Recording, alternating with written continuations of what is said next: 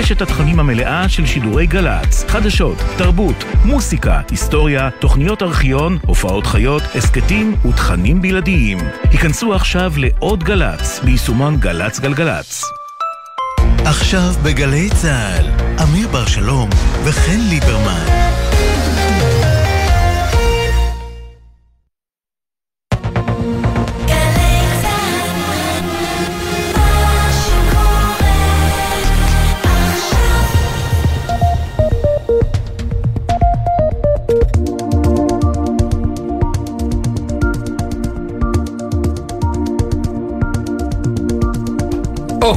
לחצתי על הכפתור הנכון, שמת לב? אמיר בר שלום, שלום. שלום, לא, אני לא שומע אותך. זה כפתור האון, הנה. את יודעת. כאן פותחים מיקרופון. כאן פותחים... ברוך הבא. כן, כן, אנחנו בשידור. אה, אוקיי, עכשיו רק אני שומע אותך. ערב טוב. אה, שלום. חמש אה, בגלי צה"ל, יומן הערב של יום חמישי, שלום, ערב טוב, חן ליברמן, הכל עובד, כולם שומעים. כן, הכל בסדר. טוב. שלומך? שבח לאל, ברכות לשואל, ויאללה הפועל, כמו שאת יודעת. אה, אה, תראי, אני מביט על אה, מה שקורה בשבוע האחרון, והיינו אמורים, לפחות לפי התכנון של נתניהו, להיות כבר עם ראש הממשלה נתניהו. נכון לאתמול כבר היה צריך להיות יום אחד בלשכתו, אבל זה לא קורה. התרגיל קם על יוצרו. בהקשר הזה, ואולי יותר מכך, אני חושב שנתניהו, ראש הממשלה הנבחר, פעם ראשונה, אולי לא פעם ראשונה, אבל מבין את, אה, אה, אה, פה את גבולות הכוח, כי אין ספק שהוא פוליטיקאי ברמה באמת אחרת, שמצליח לרבע מעגלים. ובשלוש שנים האחרונות, אחרי כל כך הרבה מערכות בחירות וקואליציות שהורכבו אחרי שינוי חקיקה וכולי, יש כל כך הרבה טריקים ושטיקים ש, ש, שסל הכלים בשביל להרכיב קואליציות הלך ותפח. אז קשה לדעת וקשה לצפות מראש מה עוד צפוי לנו. אבל כן עולה השאלה, אמיר, אתה יודע, כמו שתמיד שאל, שאלנו בכל הגלים של הקורונה, מתי יהיה הסגר הבא, כן עולה השאלה מתי יתחילו לשאול, אולי אנחנו הולכים לבחירות? אני לא שאלתי את זה. אני רק אומרת שיש לי הרגשה שבשבוע הבא, אם הקואליציה עדיין לא תורכב, שאנשים יתחילו להרהר בעניין. תראי, ובדיוק בהמשך, בהמשך לדברים האלה, זה נקרא, זאת אומרת, הציר הוא סמוטריץ'. הציר בסופו של דבר הוא סמוטריץ', וזו כבר הפעם השנייה שבנימין נתניהו מבין את גבולות הכוח כשזה מגיע לסמוטריץ'. בפעם הראשונה זה היה אחרי הבחירות הקודמות, שהוא מנע את הממשלה עם אה, רע"מ ועם מנסור עבאס. עכשיו, לפחות עד עכשיו, נכון, נכון לעכשיו, סמוטריץ' הוא למעשה אה, המחסום בין אה, בנימין נתניהו לממשלה הבאה שהוא ירכיב, ו... מאוד, מאוד מעניין, כי ממה שאנחנו שומעים מסמוטריץ', הוא ממשיך להתבצר. כן, אני, אני לא מופתעת מזה. אני חושבת שזה היה מאוד מאוד ברור שסמוטריץ' לא יוותר, במיוחד לאור מה שראינו אותו עושה עם רע"מ בבחירות הקודמות, שלא הייתה לו בעיה בכלל ללכת או להישאר באופוזיציה. אה, בגלל זה אני לא מופתעת שסמוטריץ' לא, לא יורד מהעץ הזה. אה, בן גביר לעומת זאת אה, יותר אה, גמיש. אה, בואו נשמע את אה, יצחק וסרלאוף, חבר הכנסת הנכנס מעוצמה יהודית. לא זכור לי שהאמריקאים הצביעו לי. אם האמריקאים אה, אה, דואגים לביטחון ישראל, צריכים לשמוח שאיתמר בן גביר יהיה השר לביטחון פנים. הם צריכים לרקוד ולצהול, לדאג לביטחון של האזרחים, שזה הדבר הכי נצרך פה היום.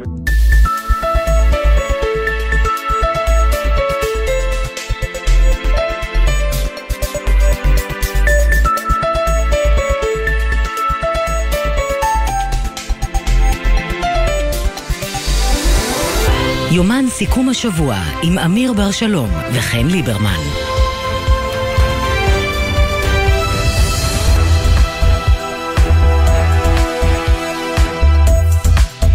תראי, צריך להכניס לפה, אני אומר לקונטקסט, להקשר את הדברים האלה של אה, וסרוף. אה, דובר על כך שהאמריקאים העבירו כך או אחרת מסר כזה או אחר, אני חושב שערוץ 12 פרסמו את זה אתמול, שירון אברהם פרסם שהשגריר האמריקאי העביר אה, את אה, דאגתו ממינוים של סמוטריץ' ובן גביר אה, אה, לשרים, ואת יודעת מה, יש בזה, יש בזה, יש בזה מן ה... יש בזה משהו, שאם אכן יש כאן איום מוסווה, אנחנו בסופו של דבר אחרי בחירות, הציבור הישראלי, שימי לב, לא אמרתי העם, אני שונא את ה... שאומרים העם, הכוונה היא רק לעם ישראל, וזה מושג תנכי. הציבור הישראלי אמר את דברו. וצריך לתת לפוליטיקה הישראלית לעשות את, לעשות את שלה, כי זה, זו הכרעת הבוחרים, אנחנו רוצים או לא רוצים. זו הדמוקרטיה. אוקיי, אבל לאמריקאים יש את השיקולים שלהם. לחלוטין. האמריקאים הם לא פועלים תחת אה, חוקי הדמוקרטיה הישראלית. הם אה, רואים בישראל חברת אמת, שותפה, וזכותם גם להביע דאגתם. לא, אין ספק שמותר להם... המוצדקת. מותר... מות- הדאגה, את יודעת, מותר להם להביע, דאגה, אבל השאלה היא מה, איפה עובר כאן הגבול הזה. ויכול מאוד להיות שאת יודעת, האמריקאים הם בדרך כלל מאוד לא ישירים, הרי הם תמיד אה, יש להם את ה... אה, מה שנקרא באנגלית, את ה... אני, תכף אני אקבל כן. את הטלפון הרי מדוקטור, שאומר, אה, יגיד לי איך אומרים דוקטור. אבשלום קורקין. בדיוק, understatement בעברית, אבל יש להם את ה-understatement שהוא overstatement. בין השורות, בין השורות. ב- אבל זה הרבה מאוד, זה כן. מאוד ברור, עם אה, הרבה מאוד סימני קריאה, אין שלוש נקודות בסוף. כן. ו- טוב, בואו נשמע מיובל שגב כתבנו, מעדכן אותנו על השיחה. הפעם זו שיחה, שבוע שעבר דיווחנו על האיגרת ששלח ארדואן אה, לנתניהו, איגרת ברכה, מאז קרו גם דברים בטורקיה, והיום נתניהו וארדואן משוחחים. יובל. כן, שלום, אה, שלום לכם, ערב טוב. אז באמת מתקיימת שיחה שיוזם נתניהו, כך לפחות לפי הטורקים, בצד הישראלי, בלשכת נתניהו לא מציינים של מי היוזמה, אצל ארדואן כן כותבים שזאת יוזמה ישראלית, יוזמה של נתניהו, התקשר קודם כל אה, אה, לדאוג בנוגע לפיגוע שהיה באיסטנבול אה, ולהציע את העזרה של ישראל, וכבר כמובן דיברו באופן כללי על היחסים בין המדינות. לשכת נתניהו הגדירה את זה כשיחה בה הוכרז עידן חדש ביחסים בין אה, ישראל אה, לטורקיה, זאת ההודעה שיצאה שם, והשיחה הזאת נערכה בסך הכל אה, 12 דקות, והיא מתקיימת כמעט עשור אחרי השיחה האחרונה אה, בין אה, נתניהו אה, לארדואן. הרבה מאוד דם רע עבר שם כמובן בין ארדואן לבין לדעתי בשנים יובל בכלל הללו. לא נמצא בטורקיה, הוא נמצא בבלי, בוועידת ה-G20, אלא אם הוא חזר. הוא נחת שם לא, רק לא, למיטב, ב-14. למיטב ידיעתי עדיין שם, בגלל זה זאת שיחה טלפונית, אולי גם בהמשך נראה באמת גם איזושהי פגישה, טיסה או משהו כזה, וזה מתחבר הרצון של נתניהו להמשיך לפתח את היחסים שם ולהחזיר אותם למסלול, גם למהלכים שראינו בשבועות האחרונים, גם משר הביטחון בני גנץ, גם מהנשיא הרצוג, שנפגשו עם אה, ארדואן, ובאמת יש איזושהי מגמת שיפור יחסים, אבל כאמור בשנים האחרונות, מאז המשט, מאז המרמרה, הסכסוך הגדול בין אה, ישראל לטורקיה, היו הרבה מאוד אמירות חריפות של נתניהו על ארדואן. אנחנו זוכרים מלפני כמה שנים רודן אנטישמי ומטורלל עם אובססיה לישראל, נתניהו אמר ב-2018, אם אני לא טועה, ארדואן גם כמובן לא חסרות לו התבטאויות אה, אנטי-ישראליות ואנטי נתניהו, אבל האינטרסים האזוריים אה, אה, משחקים יותר חזק מהכל, אנחנו יודעים את זה תמיד, ואנחנו רואים את היחסים כאן בדרך חזרה. אפרופו, אנחנו מדברים לבלוב היחסים האזורי בין ישראל למדינות אחרות, אנחנו שומעים היום באופן רשמי ביקור של נשיא המדינה במנמה, בירת בחריין, מתוכנן לעוד שבועיים. נכון, וזה ביקור ראשון של אה, הרצוג אה, באמירות, הוא עוד לא היה שם, וזה כמובן גם כן אה, ביקור משמעותי, הוזמן על ידי מלך בחריין, על ידי חמד בן עיסא, ימשיך משם גם לאבו דאבי, לכנס שמארגן, כנס חלל שמארגן MBZ, מוחמד בן זייד שם, וכמובן שהסיור הזה של הרצוג, אני מתאר לעצמי שיעסוק גם הוא בפוליטיקה הישראלית, גם קצת בהקשר לדברים שאמרתם בתחילת השידור, החשש גם שם באמירויות בנוגע למעשים, למהלכים של הממשלה החדשה. אני מאמין שהשמות סמוטריץ' ובן גביר יעברו אה, ויעלו גם בשיחות עם המנהיגים אה, הללו אה, במפרץ. ואגב, זאת נקודה ששכחנו להגיד לגבי ארדואן. בצד הטורקי מזכירים שוב יחסים, קידום היחסים לצד הרגישויות. זה מאוד רלוונטי להר הבית, הסוגיה הזאת חשובה גם לאמירותים, גם לבחריינים, וכנראה שזה ימשיך לעלות בכל שיחה בין מנהיגים ישראלים למנהיגים ערבים בשבועות הקרובים. תודה, יובל. יובל, תודה. תודה. עכשיו אנחנו עם שחר גליק, כתב התחום הפוליטי.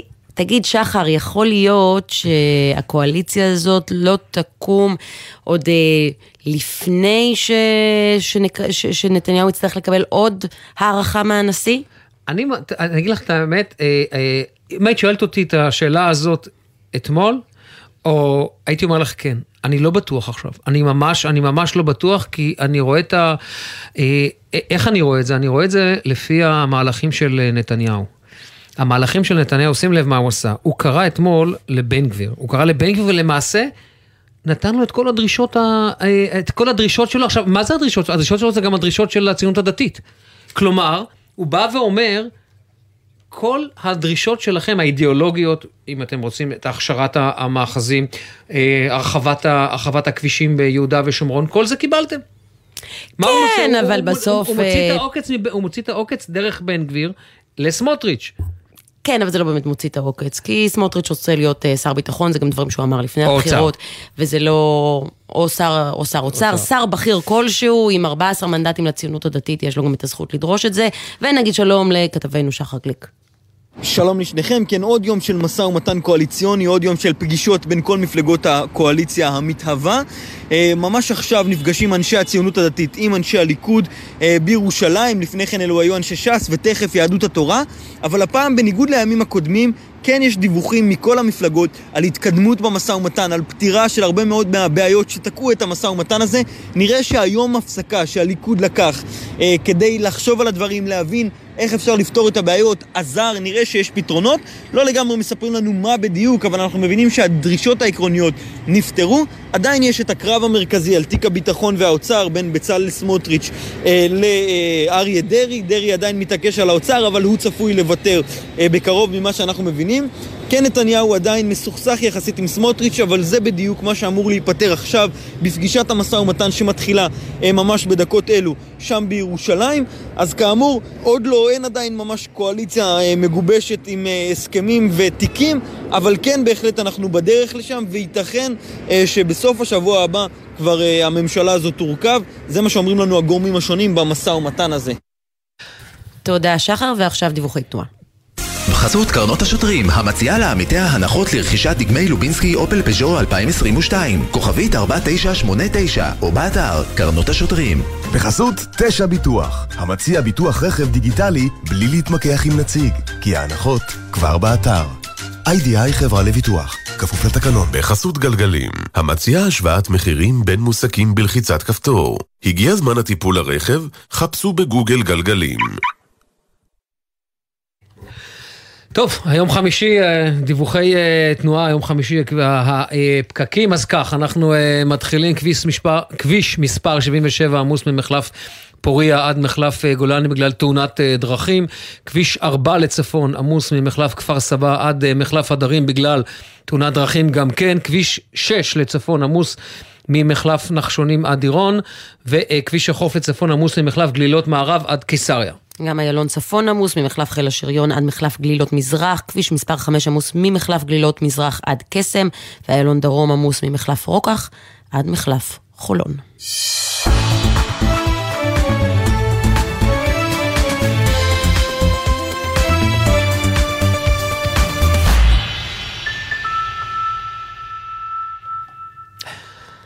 לא הייתי רוצה להיות בכבישים עכשיו, בוא נגיד ככה, ימי חמישי לעמוד בכבישים. נחמד לי פה, נחמד לי פה, אה, באולפן. יפה, זה היה סאבטקסט. כן. בין השורות. טוב, נגיד שלום לדני איילון, לשעבר סגן שר החוץ. שלום חן ושלום אמיר. אה, קודם כל, דני, אה, אני מבין שאנחנו תופסים אותך לא בארץ כבר. לא, כן, אני במקרה בניו יורק, ביקור שגרתי אצל ידידיי האמריקאים. הופתעת מהשיחה בין אה, ארדואן לנתניהו? ודאי, ודאי, התעדכנתי, זה גם uh, משמח פה הרבה אנשים בוושינגטון. Uh, אני אגיד לכם, זה, זה מפתיע ולא מפתיע, זה מקרה קלאסי שבו המציאות מכתיבה אינטרסים ומדיניות, ופה uh, ארדואן פתאום uh, הפך להיות לפרגמטי. Uh, אני לא חושב uh, שאנחנו צריכים uh, יותר מדי להתלהב מכך, כמובן. זה מאוד משמח וצריך לתת להושיט לו יד ולהתקדם, אבל לארדואן יש מטרה מאוד מאוד ספציפית ואנחנו כולנו צריכים לדעת. והיא? המטרה שלו היא אה, להעביר את הגז שיש לישראל, אם זה בכריש או בתמר או לוויתן, להעביר את זה לאירופה דרך טורקיה ולא דרך יוון. הוא יודע שיש מגעים מאוד מאוד מתקדמים בין ישראל לקפריסין ויוון, וזאת המטרה שלו, וישראל צריכה לדעת את זה, וברגע שיודעים מזה, אז אתה יכול לשבת איתו על השולחן ולהתנהל בצורה מושכלת. יש סיכוי שישראל גם תרצה להסכים לזה? אני לא הייתי ממליץ, לא הייתי ממליץ מכיוון שאנחנו ראינו שיש פה, אה, אה, המדיניות שלו הייתה מאוד מאוד אה, גחמנית כלפי אה, ישראל, אפילו הייתי אומר אמוציונלית. אה, צריך עדיין לזכור שה... האידיאולוגיה של ארדואן ושל ה-AKP, שזה המפלגה שלו, האחווה והשלום והצדק, היא, אה, היא אותה מדיניות או אותה אידיאולוגיה של חמאס. אחים מוסלמים, מה זאת אומרת? זה תנועת אחות של האחים המוסלמים, ג'מאל אסלאמיה. נכון, אמיר, אתה, אתה מכיר את זה, בדיוק כך. זה לא ישתנה. אז באמת הוא פה הפך להיות פרגמטי, המציאות אה, מכריחה אותו, הכלכלה שם במצב גרוע, כל המצב הגיאו-אסטרטגי שלו גרוע, אז לכן הוא פועל כך. אם אתה, אתם שואלים אותי לאורך זמן, אנחנו צריכים לדעת שהאינטרסים שלנו מונחים עם האיחוד האירופי. יוון היא חלק מהאיחוד האירופי, אה, היחסים איתה הרבה יותר אה, עמוקים וחזקים ולא השתנו. עם ארדואן צריך פשוט בצורה דיפלומטית, כמובן, לנהל איתו את המשחק הדיפלומטי, אבל כשמגיעים באמת להחלטות, אני לא הייתי ממליץ לעשות את זה. אה, מה יכול אה, לקרר את ההתחממות הזאת? מה יכול לגרום לו להתהפך עלינו שוב? אה, בעיקר ירושלים, הר הבית, פרובוקציות בהר הבית, עוד פעם, אתם יודעים שיש לו, יש משרד חמאס בטורקיה, כל דבר שיוביל למתיחות מול החמאס, לא מול הרשות דרך אגב, מול הרשות הפלסטינית אין לו בעיה. מה אם אה, השר המיועד לביטחון הפנים אה, יקים שם לשכה? זה חמור מאוד יהיה. אני מאוד מקווה שראש הממשלה ביבי יתנהג באחריות ובמנהיגות וידע לרסן אותו. אה, כי אחרת זה לא יפגע רק מול טורקיה, זה יפגע ביחסים עם ארה"ב, שזה הרבה יותר גרוע. אבל דני, בהקשר הזה של הגז וארה"ב, הרי בסופו של דבר, גם ארצות הברית באיזשהו, באיזשהו שלב אה, נסוגה מה, מהצינור שנקרא איסטמד. איסטמד זה הצינור שאמור לעבור כן. דרך קפריסין, יוון, איטליה, ולמעשה האיחוד האירופי נותן לזה רוח גבית חזקה מאוד. ארצות הברית נתנה לזה בשלב מסוים, אבל פתאום היא נסוגה, וכאילו נתנה אור ירוק לארדואן בהקשר הזה. נכון, וגם כאן אני חושב שזה פחות מאינטרסים כלכליים ויותר מאינטרסים אה, גיאו-אסטרטגיים. אתה יודע, אמיר, השינוי, בוא נגיד, בגישה האמריקאית חל אחרי המלחמה באוקראינה. הם צריכים את הטורקים מול רוסיה, מול אוקראינה, ולכן השינוי הזה. אבל אתה יודע, עד שמחליטים, קודם כל זה... כן, זה אבל זה אני, ח, אני חייב פה, סליחה שאני קוטע אותך, דני, אבל אני חייב, לומר, אני חייב לומר את זה. זה צביעות אמריקאית, ואני אגיד לך למה. אם האמריקאים כל כך רוצים את, ה, כל כך רוצים את הטורקים, שיאשרו להם את ה-F-16 שהם רוצים. את זה הם לא עושים. הם משלמים לטורקים במטבע ישראלי. ברור, ברור, תשמע, זה ברור, המדיניות האמריקאית, בכלל מדיניות של מדינות ומעצמות, היא, לאו, היא, היא קונסיסטנטית מבחינה זאת שהיא משרתת את האינטרסים שלהם. הם יכולים לשנות דברים מהיום למחר. בהחלט, אתה צודק, אה, זה צביעות, אבל זה, בוא נגיד, זה נוהג אה, קבוע בדיפלומטיה הבינלאומית. כל, כל מדינה נוהגת באותה צורה, וכאן אנחנו צריכים לדעת את זה. דני אילון, לשעבר סגן שר החוץ, תודה רבה. דני, תודה. תודה לכם, חן ואמיר. ושלום לחבר הכנסת דני דנון מהליכוד. שלום, ערב טוב לכם ולמאזינים. דני, אה, קודם כל גם, גם לדני דנון יש אה, קילומטראז' ארוך מאוד אה, בארצות הברית, אבל דני, אני רוצה, אנחנו רוצים לקחת אותך לזירה הפנימית. לא ל... אתה יודע, לא, לא לזירה הגיאו-אסטרטגית. נגמר הכיף בחו"ל, דני. בדיוק, יאללה, מלחמות היהודים. בוא נלך למלחמות היהודים. אתה גם הולך בהרגשה, אני חייב לומר לך, שוחחתי אתמול עם, בוא נגיד ככה, חבר מאוד בכיר בליכוד, שאמר לי, יש הרגשה שנתניהו מחלק לכולם ושוכח אותנו בתוך הליכוד. כן, מוקדם לדעת, אה, בהחלט אם כל הדרישות של השותפות הקואליציוניות תתממשנה במלואן, אז בהחלט לא יישאר לליכוד תיקים משמעותיים, אבל אני מניח שזה לא מה שיקרה. ושבתוכו של המשא ומתן, גם לליכוד יישארו תיקים בכירים בתפקידים ראויים. יש לנו גם, בואו לא נשכח, מפלגה עם 32 מנדטים, רשימה מכובדת, אנשים עם ניסיון. לכן אני חושב שצריך להמתין, אבל בהחלט אנחנו לא נשכח, השאלה אם נתניהו יזכור. אה, אני מקווה ומאמין שכן, וצריך גם לומר לשותפות שלנו, אה, עם כל הכבוד לכל הרצונות שלכם, אה, קצת פרופורציות, בואו לא נשכח מי המפלגה הגדולה ביותר בקואליציה, ולכן חשוב שגם באמתחתנו יהיו תיקים משמעותיים, שנוכל להוביל את השינויים שהבטחנו לבוחרים שלנו. אתה יודע, אבל מה שאתה אומר עכשיו, אתה, אתה אולי, אתה מדבר לשותפות, אבל אתה מתכוון לנתניהו. הדברים שלך, הדברים שלך צריכים להיות מופנים לראש המפלגה, לראש המפלגה שלך. אמיר, אני אומר את הדברים בצורה ישירה וכולם מקשיבים לכם עכשיו. אני חושב שזה הדבר הנכון, הדבר הנכון מבחינת הוגנות, מבחינת uh, יכולת למשול, uh, ולא צריך שמפלגות בינוניות וקטנות תהיה להן את היכולת uh, לבצע מהלכים ולשרי הליכוד uh, יצפו מהצד. זה לא נכון, לא הוגן, ואני מקווה מאוד שזה לא מה שיקרה. אבל אין לכם קואליציה בלי, בלי הציונות הדתית. כלומר כל הציונות הדתית. אם אה, סמוטריץ' ובן גביר עדיין נשארים מאוחדים, אין לכם קואליציה בלעדיהם. אז עם כל הכבוד לזה לא שאתם רוצים- המפלגה הכי גדולה, עדיין, אנחנו גם לא רוצים, לא רוצים קואליציה אחרת, ובוא נאמר את האמת, הרי זה משחקים של משא ומתן, כולנו יודעים מה תהיה התוצאה. אנחנו נראה את התמונה בבית הנשיא, עם ראש הממשלה המיועד נתניהו ועם סמוטריץ'. כן, אבל אפשר היה לשחק את כולם. המשחקים האלה במשך שבוע, וזה, המשחקים נמרחים ונמתחים, ואנחנו יודעים שנתניהו כן רצה להקים את הקואליציה הזו כמה שיותר מהר, אז אולי זה לא רק משחקים. נכון. תראי, אבל בוא נהיה בפרופורציות קצת. אנחנו קיבלנו את המנדט מנשיא המדינה רק ביום ראשון. עברו בסך הכל ארבעה ימים. אז נכון שהיה לנו רצון לסיים את זה מהר ולהוציא את השרים כמה שיותר מהר מהמשרדים, ואפשר לדבר על המחדלים של לפיד כשר חוץ, המחדל באו"ם, המחדל מול ארה"ב בנושא החקירה של ה-FBI, כל יום יש איזה מחדל נוסף. אבל אני מניח שזה ייקח את הזמן שלו, ובשבוע הבא נוכל כבר להשביע את הממשלה בכנסת ולהתחיל לעבוד. אתה כבר השלמת עם ההבנה שנתניהו רוצה יושב ראש כנסת אחר, לא אותך? לא, אני לא שמעתי את זה ממנו, ואני חושב שכרגע ראש הממשלה המיועד מתעסק בנושא קואליציה וסמוטריץ', וברגע שהוא יסיים את האירוע הזה, הוא יידרש אה, לעניינים בתוך הליכוד. מה תעשה אם לא תקבל את התפקיד?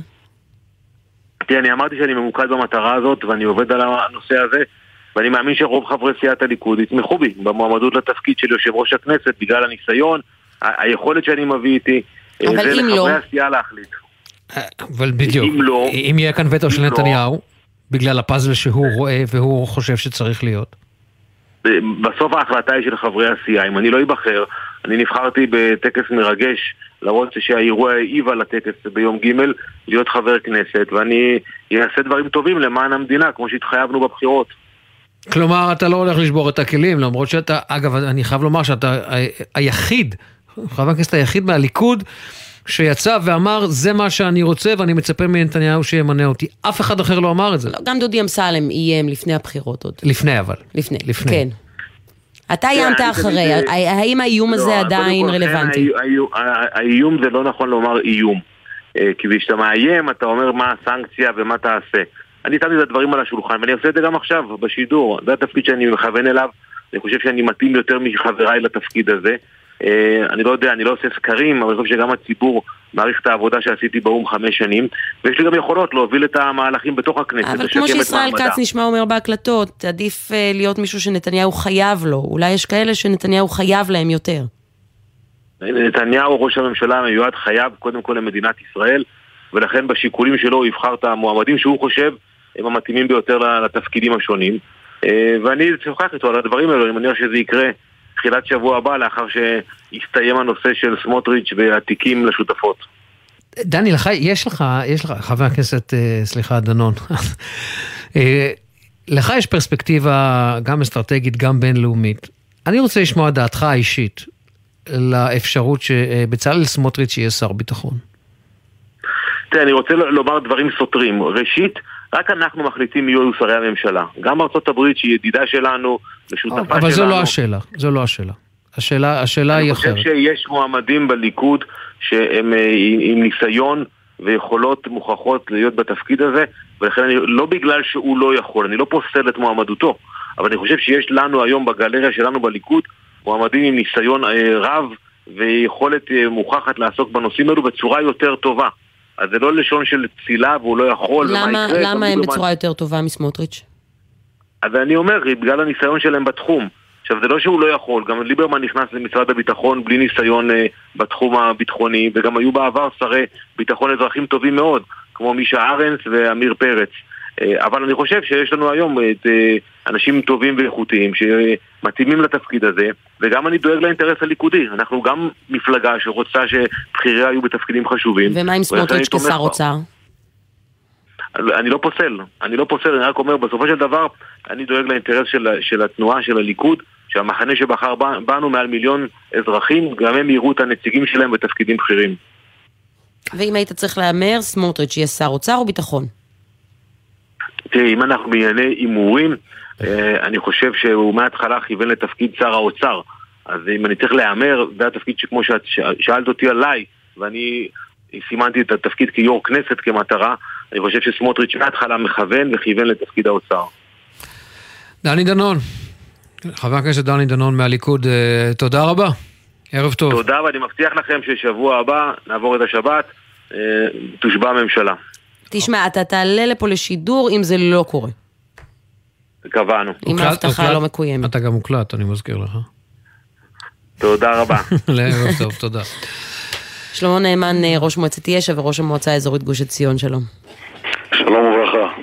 אתה שומע את דבריו של חבר הכנסת דני דנון, אומר שיש בליכוד אה, אנשים אה, מתאימים יותר לתפקיד שר הביטחון, מתאימים יותר מסמוטריץ', מה דעתך?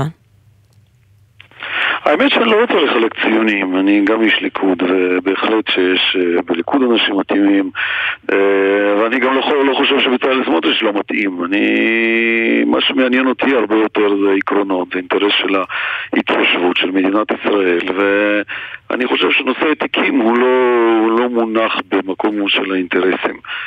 נכון, תפקוד, נכון, עקרונות, אבל, אבל באמת, באמת מה שחשוב, וזה מה שמדאיג אותי, שהייתכן שהסירוב נגיד לסמוטריץ' או הקשיים לסמוטריץ' הם בכלל לא קשורים לסמוטריץ', אלא קשורים למה הממשלה תעסוק ואיזה דברים ואיזה הבטחות מההבטחות אה, שלנו לבוחר יתממשו או לא רגע, יתממשו. למה אתה מרמז כאן? אני לא מרמז, אני חושש, אני אומר במפורש, אני חושש שהנושא של הסדרת התיישבות צעירה ואישורי בנייה ביהודה ושומרון והנושא הכאוב אה, של התפקוד של המינהל האזרחי אבל אתמול, והנושא- אתמול, אתמול זה הובטח כבר, ל, הובטח כבר לבן גביר. הרי בסופו של דבר, מה שאתה אומר כאן בין השורות זה דבר מאוד ברור. אתה אומר, חברים, בואו נשים את התיקים בצד, נלך על העקרונות. העקרונות שלנו זה הסדרת המאחזים, זה הרחבת, ה, אה, אה, הרחבת הכבישים ביהודה ושומרון. הייתי אומר, אתם דורשים גם מדיניות הרבה יותר אה, אכיפתית, הרבה יותר מחמירה של אה, הבנייה בשטחי C. את כל זה, את כל רשימת הדרישות האידיאולוגיות, אתמול אה, בן גביר קיבל מנתניהו. אז הנה. ממש לא הכל, ממש לא הכל. אני בהחלט אה, מפרגן לאיתמר והוא קיבל באמת אה, הבטחות מאוד חשובות, אבל זה ממש לא הכל. הוא, הוא הציב דרישות אה, באמת חשובות להתיישבות, זה ממש לא הכל. אנחנו, אנחנו מייצגים חצי מיליון תושבים, אנחנו מייצגים את, את הנושא, את האמונה שלנו בשלימות הארץ. אנחנו רואים מה, מה קורה בשטח כשניתנת שליטה לרשות הפלסטינית וכשמושג המגונה בעיניי של חיזוק הרשות הפלסטינית מתרחש אה, מבחינת הביטחון. וזה כן, זה כן שמירה על שטחים אתה פתוחים. תמליץ, כי- רק רגע, אתה תמליץ לבן גביר, לבן גביר וסמוטריץ' אה, לא להיכנס לממשלה אם וכאשר כל הדרישות האלה לא יענו? אני לא חושב שזה השיח, אני באמת לא חושב שזה השיח, אני לא חושב שזה על הפרק ו- וזה לא, לא מונח שם, לא נמצא שם, אין אלטרנטיבה לממשלת ימין רחבה של 64 מנדטים. הממשלה תקום והיא תהיה של 64 מנדטים, אבל אני מאוד מאוד מקווה שהחריקות במשא ומתן הן לא חריקות אידיאולוגיות, הן לא חריקות רעיוניות. אני מאוד מקווה שבאמת יש לנו כוונה לקיים את ההבטחות שלנו לבוחר. לחזק את ההתיישבות, לחזק את הביטחון, לשמור על שטחים פתוחים, לשמור ולחזק ולהרחיב את ההתיישבות. לחזק את ההתיישבות אתה מתכוון. לחזק מאחזים לא חוקיים גם. אין דבר כזה מאחזים לא חוקיים. מדינת ישראל, תקשיבו, אני אומר את זה מעל כל במה ואני אחזור ואומר את זה. ישנה התיישבות שמדינת ישראל החליטה להקים. ממשלת ישראל החליטה להקים. היא לא חוקית, אתם יודעים למה היא לא חוקית? כי ממשלת ישראל אה, לא רצתה להסתכסך עם האמריקאים. יכול להיות שגם מסיבות מוצדקות. ואמרה להתיישבות להקים נקודות יישוב ללא הסדרה אה, מוחלטת, אבל תואם איפה הם יקומו, תואם, אה, תואם את המקום, המקום.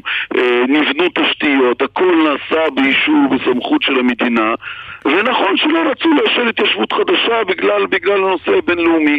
ואחרי שזה קם, ואחרי שזה, האנשים נשלחו לשם בשליחות הממשלות והמדינה וצה"ל והם מאובטחים והם עובדים שם לא, יש מאחזים לא חוקיים שלא נשלחו על ידי אף זה אחד. לא מאחזים בלתי חוקיים, זה אחר כך ממציאים דוח טליה ששון כדי לפגוע בהתיישבות הזאת ולקרוא לה מאחזים בלתי חוקיים. מדובר בהרחבת התחש- התיישבות לגיטימית. אז רק רגע, אז אם כך, רגע, רגע, לא, לא, לא. אז לא, למה לא, צריך אתה אותה תבדיל אם בין היא- היא בדיוק. חוקית? א', צריך להסדיר, וב', אם כך, אז לא- רק רגע, אז למה מפנים חלק מהן? אז קודם כל באמת... אני- אני מזכיר לך שחלק ולמה מהן צריך פונו, לשנות את חוק ההתנתקות בשביל חומש? וחלק מהן פונו ב- ב- תחת רגע, נתניהו. חומש, חומש זה יישוב, אה, חומש זה יישוב אה, חוקי לחלוטין, שפונה במסגרת חוק ההתנתקות, בדיוק כמו נווה דקלים, בדיוק כמו גני טל וכמו כמו עוד יישובים ישראלים שהיו חוקיים לגמרי. אל תערבבו נושאים שונים. למה, למה נתניהו פינה? קודם כל, יש גם, יש גם מקומות, אה, מקומות שבהם הייתה בעיה. לא, לא, לא, לא נתניהו יזם אותם, בדרך כלל מדובר בפסיקות בג"ץ, שבג"ץ, שבג"ץ תקף אותם, ואני בהחלט חושב שמה שקרה בבג"ץ זו חרפה. חרפה משפטית מצד אחד, ומצד שני התשובות שמשרד המשפטים נתן, כן, ושפרקליטות אה, המדינה נתנה לבג"ץ, באותם מקומות שהיה צריך להסדיר אותם ולהביא אותם לגמר, את ההסדרה שלהם לגמר, זה לא סתם, אז אה, אה, במקום להסדיר אותם, נתנו תשובה שכן ניתן לפנות, ולכן בג"ץ פסק כן. לפנות, ולממשלה, ולממשלה נבחרת אין אלא לקיים פסיקות בג"ץ, הרי על זה כולנו מסכימים, ולכן זה מה שקרה. זה, אבל, אבל העניין הוא... שלמה, למה אתה חושב שנתניהו כל כך חושש מסמוטריץ' במשרד הביטחון? אני לא יודע אם הוא חושש, אני מקווה שזה לא טקטיקות משא ומתן כדי לתת פחות, כדי זה... יש בו, זה משא ומתן. והפוליטיקה היא פוליטיקה, ואנחנו מפלגת שלטון וצריכים לקבל יותר. ויש לנו בעיה עם זה, ואנחנו מבינים ולא רוצים גם... נתניהו רצה להקים קואליציה כמה שיותר מהר, וזה נתקע. כי הוא לא רוצה לתת לסמוטריץ' את הביטחון. למה אתה חושב שהוא חושש? אז אני מקווה שזה רק, מה שנקרא, שזה רק התרגילים הלגיטימיים של ניהול משא ומתן, ולא ניסיון להתחמק מלקיים הבטחות לבוחר. אבל, אבל אתה חושב שאולי זה כן ניסיון להתחמק? אולי זה כן ניסיון בכל זאת לאותת לממשלת אחדות? ולא ממשלה עם סמוטריץ'? לא, לא, לא, זה לא על הפרק, אין, לא יקום ולא יהיה. וזה ממשלת אחדות, למה זה לא ממשלת אחדות? יש בה דתיים, חילונים, חרדים, מסורתיים, למה זה לא ממשלת אחדות? כי הערבים לא בפנים. שהערבים ישירו התקווה, הם יהיו גם בפנים. ממשלת אחדות זה בדרך כלל בין ימין לשמאל, בגלל זה השתמשתי בביטוי ממשלת אחדות, כן, והכוונה כן, היא ממשלה עם כן, אבל היום, אתם יודעים מה, אז אני חושב שחלק מהמפלגות החרדיות הן בתפיסות עולם שמאלניות. הם לא, הם, הם תמכו בהסכמי אוסלו, ומה קרה? זה לא, זה לא, גם, גם כלכלית, גם כלכלית ודאי שבממשלה שעומדת לקום יש ימין ושמאל שישב ביחד. Okay. זה, זה, זה, הימין והשמאל, אה, המסורתי זה כבר לא, כן, ויאיר לפיד הוא, הוא שמאל, לא בטוח שזה חלק מהמפלגה שלו שמאל, שמאלנית, וליברמן הוא שמאל, ואלקין הוא שמאל, לא, האחדות או לא אחדות, ויחד עם זאת, הממשלה הקודמת הייתה ממשלת שמאל. אמרת לנתניהו את מה שאתה חושב על זה שיאיר לפיד הוא לא שמאל? מעניין. אני לא, אני לא אמרתי שהוא לא שמאל, אני אומר לא כל המפלגה שלו היא שמאלנית. אה, לא כל אוקיי. המפלגה. טוב, שלמה נאמן, ראש מועצת יש"ע וראש... ה... זה מתחלק היום אחרת. אבל, אבל מה שחשוב כן. זה להקים ממשלה ולקיים הבטחות לבוחר, ולא לנהל, ולא לנהל כרגע חששות מכאלה ואחרים. אם זה היה כל כך קל, אז כבר היה, אז כבר היו מקימים. טוב, שלמה נאמן, ראש מועצת יש"ע וראש המועצה האזורית גוש עציון, תודה רבה לך. תודה רבה. תודה רבה לכם. להתראות. טוב, אמרנו סמוטריץ' זה הציר, נכון? אז אה, טוב, הוא לא רק אה, לצורך העניין אה, מונע כרגע את הממשלה הבאה, אלא הוא גם, כבר עוד לפני שבכלל התחיל המשא ומתן, הוא כבר שיגר אגב במהלך המצע שלו, איתותים כאלה ואחרים מסרים ל... המשנה הכלכלית שלו, שהוא ימין כלכלי על מלא מלא מלא מלא, לבטל את ועדי העובדים, לבטל את מוסד הקביעות, לאסור שביתה. שלום לדובר, אה, יושב ראש אגף ההסברה בהסתדרות, יניב לוי. ערב טוב חן, אהלן אמיר. Uh, אתה שומע את הדברים האלה ואנחנו כבר uh, שומעים דברים שיוצאים uh, במהלך כל השבוע האחרון מההסתדרות לגבי uh, uh, ההתבטאויות uh, של סמוטריץ'. אתה יודע מה, יניב, לפני ש... בוא לפני שניכנס לזה, בוא נשמע את הדברים שהוא אמר על ההסתדרות, על העבודה המאורגנת, הנה. למעלה מחצי מיליון אזרחים נתנו לנו 14 מנדטים ואת הכוח לעשות שינוי אמיתי. לא ניתן להסתדרות או לכל גורם אחר בשמאל להחליט עבורנו ולהכתיב את המדיניות הכלכלית ואת המינויים בממשלה החדשה. מה תעשו בהסתדרות אם אכן סמוטריץ' מקבל את תיק האוצר? ראשית, אנחנו לא ממנים שרים. אנחנו לא ממנים שרים ואנחנו לא אומרים לראש הממשלה המיועד מר נתניהו למנות ולאיזה תפקיד. יחד עם זאת, אם מר סמוטריץ' ימונה לשר האוצר, ראשית כאזרחי מדינת ישראל, נברך אותו כי הוא שר במדינה ואנחנו מכבדים נבחרי שלטון ונושאי משרה. בשלב השני ננסה לדבר הרבה מאוד דברים אני מאמין שבשיח נכון ובראייה כוללת, שמי שיושב בעצם בתפקיד במשרד האוצר רואה את הדברים אחרת, זה לראות תמונה כללית, משרד האוצר והתפקיד שלו באמת לנתב את כל הפעילות הכלכלית של מדינת ישראל ואני חייב גם לומר שבשנים האחרונות יש משולש כלכלי במדינה, זה האוצר, זה המעסיקים וזה ההסתדרות שמייצגת את העובדים. ויכולנו ועשינו דברים מדהימים ביחד. יניב, אני שומע... אבל רגע, יו"ר ההסתדרות ארנון בר דוד כבר אמר, לא נהסס ונעמוד עם כל הכלים העומדים לרשותנו. נכון. אם סמוטריץ' כן ימונה למשרד האוצר.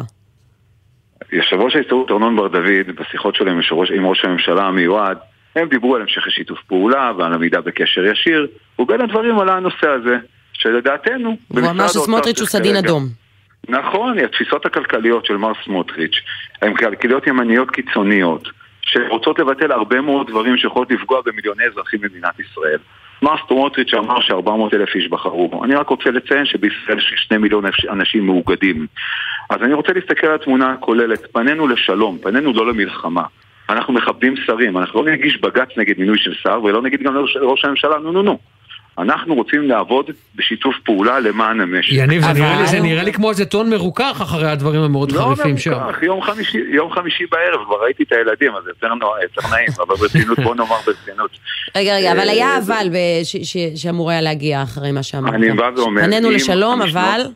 אבל אם המשנות הכלכליות שעליהם מר סמוטריץ' דיבר לאורך הקמפיין שלו בשנים האחרונות של פגיעה בזכות ההתארגנות ופגיעה בזכות השביתה בעינינו, בעיני רבים בארץ ובעולם, מדובר בזכויות דמוקרטיות לגיטימיות, הכרחיות, לחברה בריאה ודמוקרטית. מי שינסה לפגוע בזכויות עובדים הללו, אנחנו נצא למאבק, וזה לא משנה מי יהיה שר האוצר. כל הכלים, כל לא הכלים כשרים? כל הכלים כשרים? אם, אם תהיה פגיעה, אני חוזר ואומר, בזכות השביתה ובזכות ההתאגדות, בזכות הקמת הוועדים, או פגיעה בוועדים, במי אנחנו מדברים? אנחנו מדברים על שכירים, על מיליוני שכירים במשק הישראלי. לא, אבל אמרת אם... אם צריך אנחנו נצא. אם צריך, נפעל בכל הכלים העומדים ברשותנו. אתם רוצים לשמוע את המילה שביתה? לא רוצה להגיע לשביתה, אבל אם נצטרך, נהיה שם. אבל אני מאמין שלא נהיה. כי אני חושב שאפשר לפתור דברים כמו... אמיר, המשק הישראלי לא שבת למעלה מעשור, יום שביתה לא הייתה במשק. כולם מדברים על חברת חשמל, חברת חשמל לא שנה משנות ה-80. כולם מדברים על הנמלים, הרפורמה בנמלים הייתה, שני נמלים חדשים הוקמו. זה גדל, זה הולך, זה קורה. רפורמה בחברת חשמל גם הייתה. במקורות הייתה רפורמה. במכון התקנים, בשיתוף פעולה. נכון למען נשק בריא, לפנינו משימות חשובות ביותר, חברים, אתם צריכים לזכור, אנחנו לאחר שלוש וחצי שנים קשות של קורונה, חמש מערכות בחירות, שנים ללא תקציב, יש לנו כאן כמעט מיליון עובדים שמרוויחים שכר מינימום של 5,300 שקל, שהם לא גומרים את החודש, לא גומרים שבועיים בתוך החודש, אי אפשר לחיות ככה, וטרפדו לנו את העלאת שכר המינימום. יש לנו כאן סייעות, עשרות אלפי סייעות שזנחו אותם והפכו אותם לחצר האחורית של מערכת החינוך. יש לנו כאן אינפלציה שמשתוללת, והכסף שלנו, של אף אחד מאיתנו, כבר לא שווה מה שהוא היה שווה לפני שנה, שנתיים ושלוש. יש את יוקר המחיה, ויש את הסכם המסגרת, שבו כ-700 אלף עובדים צריכים לקבל... אז איזה סעיף מהמצע הכלכלי של סמוטריץ' זה יהיה, הקו, זה יהיה הגבול שצריך לעבור בשביל שאתם תנקטו בכל הכלים שיש ברשותכם. אני אומר בצורה מאוד ברורה, אנחנו הראשונים לשיח, אבל אם ינסו לפגוע בוועדים, בוועדים, בוועדי העובדים במדינת ישראל, באדם השכיר, אם ינסו לפגוע בזכות השביתה, אם ינסו לפגוע בזכות ההתאגדות, אלה בעינינו זכויות דמוקרטיות לגיטימיות שחובה שיהיו במדינה. אנחנו רואים את האחריות. נכון, חלק מהדגלים שמר סמוטריץ' מציב, אני גם מסכים איתם, אבל לפני 20, 30 ו-40 שנה. כולנו גדלנו והגענו בבוקר לקופת חולים וראינו שלט סליחה שביתה או בימינו ברשות השידור של אז פתאום מסך מרצד אפור, או פתאום החשמל... בוא, בוא, בוא לא נפתח את רשות השידור, בוא לא נפתח את רשות השידור ואבי ניסנקורן עם הדיל שהוא עשה עם הדיל הפוליטי. בוא לא נפתח את זה, הדיל הפוליטי שהוא עשה עם כחלון. אמיר, בוא נדבר. אמיר. גילוי נאות, אני מבין המפוטרים. גילוי נאות. אתה בין המפוטרים ואני בוגר רשות השידור בעבר. והייתי שם. דיל פוליטי, דיל פוליטי. אמיר, לא דיברתי על שנות האלפיים, דיברתי על שנות ה-80, אתה עוד היית חייל או היית תלמיד ברנה קסם. אז באמת, בוא נמסור. אמרתם בואו לא נפתח ופתחתם, מה זה פתחתם? לא התחלנו לדבר על בית"ר ירושלים, חכי. יאללה. ברצינות, אני בא ואומר, חן, תקשיבו, יש סוגיות ליבה בוערות. זוהי שעה שהמשק הישראלי צריך להיות משולש חזק של מדינה, אוצר, מעסיקים והסתדרות ואפשר לעשות דברים מדהימים ואפשר לצאת מהפתרונות ומהמשברים, למצוא פתרונות לתוך המשברים שבהם אנחנו נמצאים באמת מחוץ לקופסה באופן יצירתי. זה לא העת להתלהמות. זה לא העת באמת להגיד עכשיו אני חייב לשאול אותך. יניב, אתה חייב לשאול אותך, אתה מדבר על. שיחה, השיחה שהייתה בין אה, ארנון בר דוד לבנימין נתניהו. קודם כל זה היה אחרי הבחירות, נכון? נכון. זה היה אחרי הם הבחירות. בקשר טוב, הם, הם, הם בקשר טוב כבר שנים. מהיום שארנון בר דוד נכנס לתפקידו, נבחר ליושב ראש ההסתדרות לפני כארבע שנים, מערכת היחסים בינו לבין ראש הממשלה נתניהו, ראש הממשלה בעבר והמיועד, מערכת יחסים מאוד טובה, יש קשר ישיר, מדברים. וממה ששמעת, ממה ששמעת, ארנון בר דוד יצא רגוע מהשיחה הזאת? אני חושב שניתן לראות את הפרסומים שראש הממשלה דיבר עם יושב ראש ההסתדרות, אמר לו שוועדי העובדים הם חשובים למשק הישראלי והכל יהיה בשיתוף פעולה. אנחנו הראשונים לשיתוף פעולה. כלומר, קיבלתם, קיבלתם יש- מסר מרגיע מראש הממשלה המיועד נתניהו. זה, כן, זה פורסם, אבל שוב פעם, אני חייב להדגיש את הנקודה, כי ניסו לתקוף אותנו, ממנה שרים, שמאל, לא שמאל, קודם כל ההסתדרות של היום, זה לא ההסתדרות של שנות החמישים. יושב ראש ההסתדרות הוא על-מפלגתי, הוא לא חבר מפלגת העבודה. בסיעות הבית, בקואליציה של ההסתדרות יש את, את ליכוד וסיעות ימין וסיעות אה, מסיעות מהערבים ומשמאל. היום זה הבית של העובדות והעובדים בישראל כארגון מקצועי, גם בעבר לפני 30-40 שנה. אבל ראש הממשלה אמר לכם, אולי אולי הוא הרגיע אתכם. בזה שהוא אמר, תירגעו, סמוטריץ' לא יהיה שר אוצר. אני לא שמעתי את זה, ואנחנו לא שומעים את זה. יש עכשיו משא ומתן, כולנו יודעים למשא ומתן אה, שמתרחש, כן מתרחש, לא מתרחש. אנחנו לא מתערבים. אנחנו באמת רוצים שיהיה כאן משק מתפקד. אנחנו רוצים לצעוד קדימה, זה חשוב. אין לנו ברירה, מניתי את תודה. הבעיות ואת הדברים שנמצאים לפתחנו. תודה לכם. יניב. יניב לוי, תודה, ואני מאחל לכם שתישארו ליגה. אבל זה זה בינינו. טוב, נו, אי אפשר, זה קורה. יניב, תודה. בשורות טובות, ביי ביי. בהודעות אתה תסביר לי את ההומור הפנימי הזה שלכם. כן.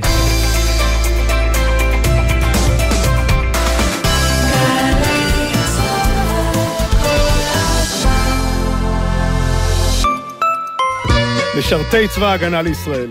כאן אופיר לביוס, קצין החינוך והנוער הראשי. היום ההזדמנות האחרונה שלכם להשתתף בחידון המורשת וידיעת הארץ של צה"ל. היכנסו עכשיו לאתר צה"ל, ענו על השאלות, ואולי תעפילו לשלב הבא. כל הפרטים באתר צה"ל וברשתות החברתיות של חיל החינוך והנוער.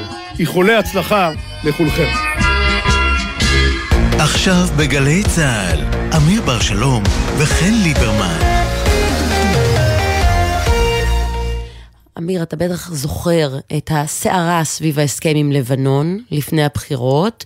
נתניהו גם אמר שהוא אה, לא יכבד את ההסכם הזה אם הוא ייבחר, אני חושבת שהוא כן יכבד את ההסכם הזה, אנחנו לא נשמע יותר מדי על ההסכם הזה גם הוא חושב מדי. שהוא יכבד את ההסכם הזה. יש הסכם אחר עכשיו עם ירדן שנחתם, אבל זה מן הסתם לא עושה סערות עוד גדולות. הסכם עם ירדן, צריך לומר. כן, עוד הסכם עם ירדן על נהר הירדן. אנחנו בעניין הזה אומרים שלום לתמר זנדברג, השרה להגנת הסביבה. שלום, שלום רב. ספרי לנו על ההסכם הזה עם ירדן. כלומר, מה, מה היה הצורך בהסכם הזה ומה הולך לקרות עכשיו מרגע החתימה? אה, אני חושבת שכל מי שאי פעם טייל בנהר הירדן, או יותר גרוע, אירח אורחים מחו"ל בנהר הירדן, שקראו עליו בתנ"ך ושמעו עליו, ובאו וראו איזושהי תעלת ביוב אה, עלובה ו- ו- וזרזיפית, אה, מבין כמה חשוב לשקם את נהר הירדן, אלא שהנהר הזה הוא לא רק נהר ישראלי, הוא נהר שמשותף במקרה הזה לישראל ולירדן. והיום חתמנו יחד עם אה, ממשלת ירדן על אה, הסכם לשקם את נהר הירדן, לנקות אותו, להוציא ממנו מזהמים, להחזיר אליו מים, לפתח אותו. אה, אני חייבת לומר שזה חלק מעבודה רבה שעשינו בכלל בשנה האחרונה, גם להגביר את שיתופי הפעולה האזוריים עם כל השכנות שלנו, במיוחד עם ירדן. מה תן ביטלנו וקח החלטת בהסכם מהסוג הזה? חודשים.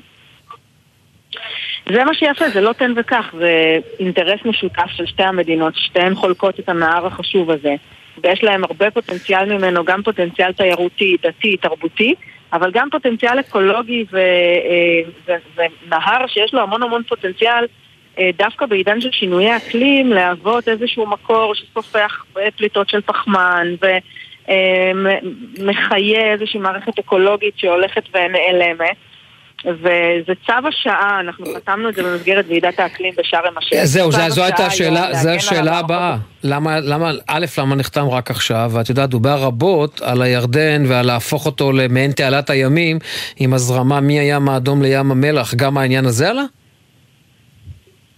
אז זהו, האמת שזה זה מעניין שאתה שואל את זה, כי בעצם היה, היו לנו הרבה שיתופי פעולה עם ירדן בשנה האחרונה. אה, חתמנו לפני איזה שנה אה, הסכם מים תמורת חשמל, שאנחנו נתפיל מים עבור ירדן והם אה, יפתחו שדה סולארי וימכרו לנו חשמל סולארי. הייתה לנו החלטת ממשלה, עיסוק רב, החלטת ממשלה שלנו, שהוחלטה לפני מספר חודשים על שיקום נהר הירדן בחלק שהוא רק ישראלי, בחלק ה... שמיד מדרום לכנרת ב-11 קילומטר הראשונים, אה, ועכשיו זה בעצם אה, הסכם אה, משלים. דווקא תעלת הימים, אני חייבת לומר שזה, בדיוק השבוע פרסמנו עמדה, זה פרויקט שקצת יורד את ההיתכנות שלו, גם יש לו השלכות סביבתיות חמורות, וגם אנחנו היום בעידן שדווקא החלק הצפוני של ים המלח, החלק שבין הכנרת לים המלח, הוא חלק שיש בו הרבה יותר פעילות, צריך לשקם אותו, להזרים בו מים.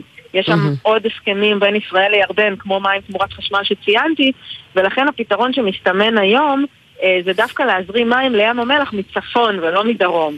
שאלה אה, חשובה לגבי האקולוגיה של נהר הירדן והגנה על הסביבה שם, קייקים, זה טוב לנהר הירדן? אני דואגת כי אני, אני, הילדים שלי עדיין קטנים מדי לקייקים, אבל זה באמת היה הבילוי האהוב עליי כילדה ואני ממש רוצה לקחת אותם לשם, אבל יש לי הרגשה שזה לא הדבר הכי סביבתי. לא, אז, תראי, אז לא, אני חייבת להגיד לך שאם אה, דואגים שיהיו מים שופעים ונקיים אה, ועם מערכת אקולוגית מתפקדת וששומרים עליה, בהחלט אפשר וגם צריך, וזה מאה אחוז ובסדר גמור, שהאדם, ואגב גם בעלי החיים, ייהנו מהטבע הזה, מהמים, בהחלט שימושים כן. של פנאי ונופש, הם שימושים טובים ורצויים, בתנאי שעושים אותם בצורה שהיא מקיימת ובצורה ששומרת על, ה, על הנחל. אחת הבעיות עם נהר הירדן זה שהאדם, האנושות, אה, כל הקהילות שחיות סביבו לאורך מאה שנה, ייבשו אותו, שאבו אותו, זיהמו אותו. אה, ממש אה, הרסו אותו בזמן שיש לו תפקוד כל כך חשוב עבורנו. כן, גם לקייקים, גם לשחייה. עכשיו, אם נשווה את מפלגת מרץ לקייק, אז את קפצת מהקייק רגע לפני המפל. אה, אגב, אני לא בטוחה שכבר הגענו לשלב של הבדיחות על זה. too soon, מה שנקרא. כן, לנו מותר, השרה זנדברג, לנו מותר. לא, לא. מה אצלך? את יודעת, זה עניין פנים מפלגתי. קודם כל חוש הומור זה תמיד אה, בריא, זה בסדר גמור. אה, וגם זה היה בצחוק. כן, אני חושבת שבהחלט קרה למרץ, ואגב למדינת ישראל, אירוע היסטורי בבחירות האחרונות. העובדה שמפלגה כמו מרץ, שבתצורה הזאת הייתה 30 שנה, ובתצורות הקודמות שלה הייתה מאז קום המדינה אה, לא עברה את אחוז החסימה, זה באמת אירוע בסדר גודל היסטורי ברמה הלאומית. כמובן שהוא גם כואב להמון אנשים ברמה האישית, אני ביניהם, כי באמת אנחנו השקענו שנים רבות מחיינו במפעל הזה. אני חושבת שזה מזכיר לנו שמסגרות פוליטיות בסוף הן מסגרות, וכנראה שהמסגרת הזו הגיע זמנה לקבוע. אה, כן, את לא חושבת שמרצ כן, צריכה לשמור על ההרכב שלה ופשוט לנסות אה, להתמודד בבחירות הבאות? את לא, חושבת שהיא לא, צריכה להתפרק? לא, אני חושבת שמרצ סיימה את דרכה בתצורה הנוכחית. אני חושבת שהערכים שמרצ פעלה ופועלת עדיין בשמם, לא רק שלא מתו יחד עם מרצ, אלא הפוך, הם נחוצים היום יותר מתמיד. אני בטוחה שהם ימצאו, ואני גם מתכוונת להיות מעורבת בזה, מסגרת פוליטית יותר אה, מתאימה והולמת אה, כדי אה, בעצם להמשיך את המאבקים האלה, כי אם אנחנו מסתכלים על הממשלה שמסתמנת, אה, זאת ממשלה שהמאבקים לזכויות, נשים, להט"ב, לשלום, לצדק חברתי, לצדק סביבתי, הם uh, הופכים להיות נחוצים באמת יותר מתמיד, ואלה דברים שהם uh, לא מתו רק בגלל שהמסגרת הפוליטית uh, משתנה. אז מי החיבור? מי החיבור הטבעי מבחינתך? Uh, תראו, אני, אני באמת חושבת שזה קצת מוקדם, באמת אני, אני אומרת, אני רוצה באמת להגיד מפה להמון המון תומכים והמון המון מתקשרים אליי וכותבים אליי ולכל החברים שלי בימים האחרונים. אני חושבת שאנחנו צריכים לזכור שאם נלך בדרכים שהלכנו, אז נגיע למקומות שהגענו. אנחנו צריכים רגע כן לחשוב ולהסתכל פנימה ולהסתכל החוצה ולתת לריאות להתמלא קצת באוויר חדש. לא ישר לחפש את הנתיבים המוכרים, חיבורים כאלה, קונקטורליים כאלה או אחרים. אני חושבת שצריך באמת אה, לנצל את המשבר הזה כהזדמנות אה, להצמיח באמת אה, שמאל, שכאמור הוא נחוץ מאוד בישראל, ואגב גם בעולם, אל מול המציאות הפוליטית שמתהווה לנגד עינינו, וצריך להיות הדבר ההולם והמתאים ביותר למציאות הזו, כדי לתת לה את המענה ואת הפייט בצורה הטובה ביותר. זהבה גלאון הודיעה היום שהיא מתפטרת שוב. את רואה את עצמך חוזרת לחיים הפוליטיים? אמ, תראה, אני רואה את עצמי אדם פוליטי, אני לא רואה את עצמי, אני אמנם אה, הודעתי שאני לא אתמודד לכנסת, אני באמת כאמור לא התמודדתי וגם מסיימת ממש בימים הקרובים את תפקידי כשרה, אבל אני רואה את עצמי אדם פוליטי ומעורב. אני חושבת שהפוזיציה הפוליטית בכנסת ובממשלה היא פוזיציה מסוימת, היא תחנה. היא יכולה לחזור, היא יכולה לא לחזור, זה לא משנה, אני אדם פוליטי, אני אמשיך להיות מעורבת בסוגיות הפוליטיות, בסוגיות, אגב, הסביבתיות, האקלימיות, של צדק, של פמיניזם, כל הדברים שנאבקתי עליהם, בין אם הייתי בכנסת ובין אם לא.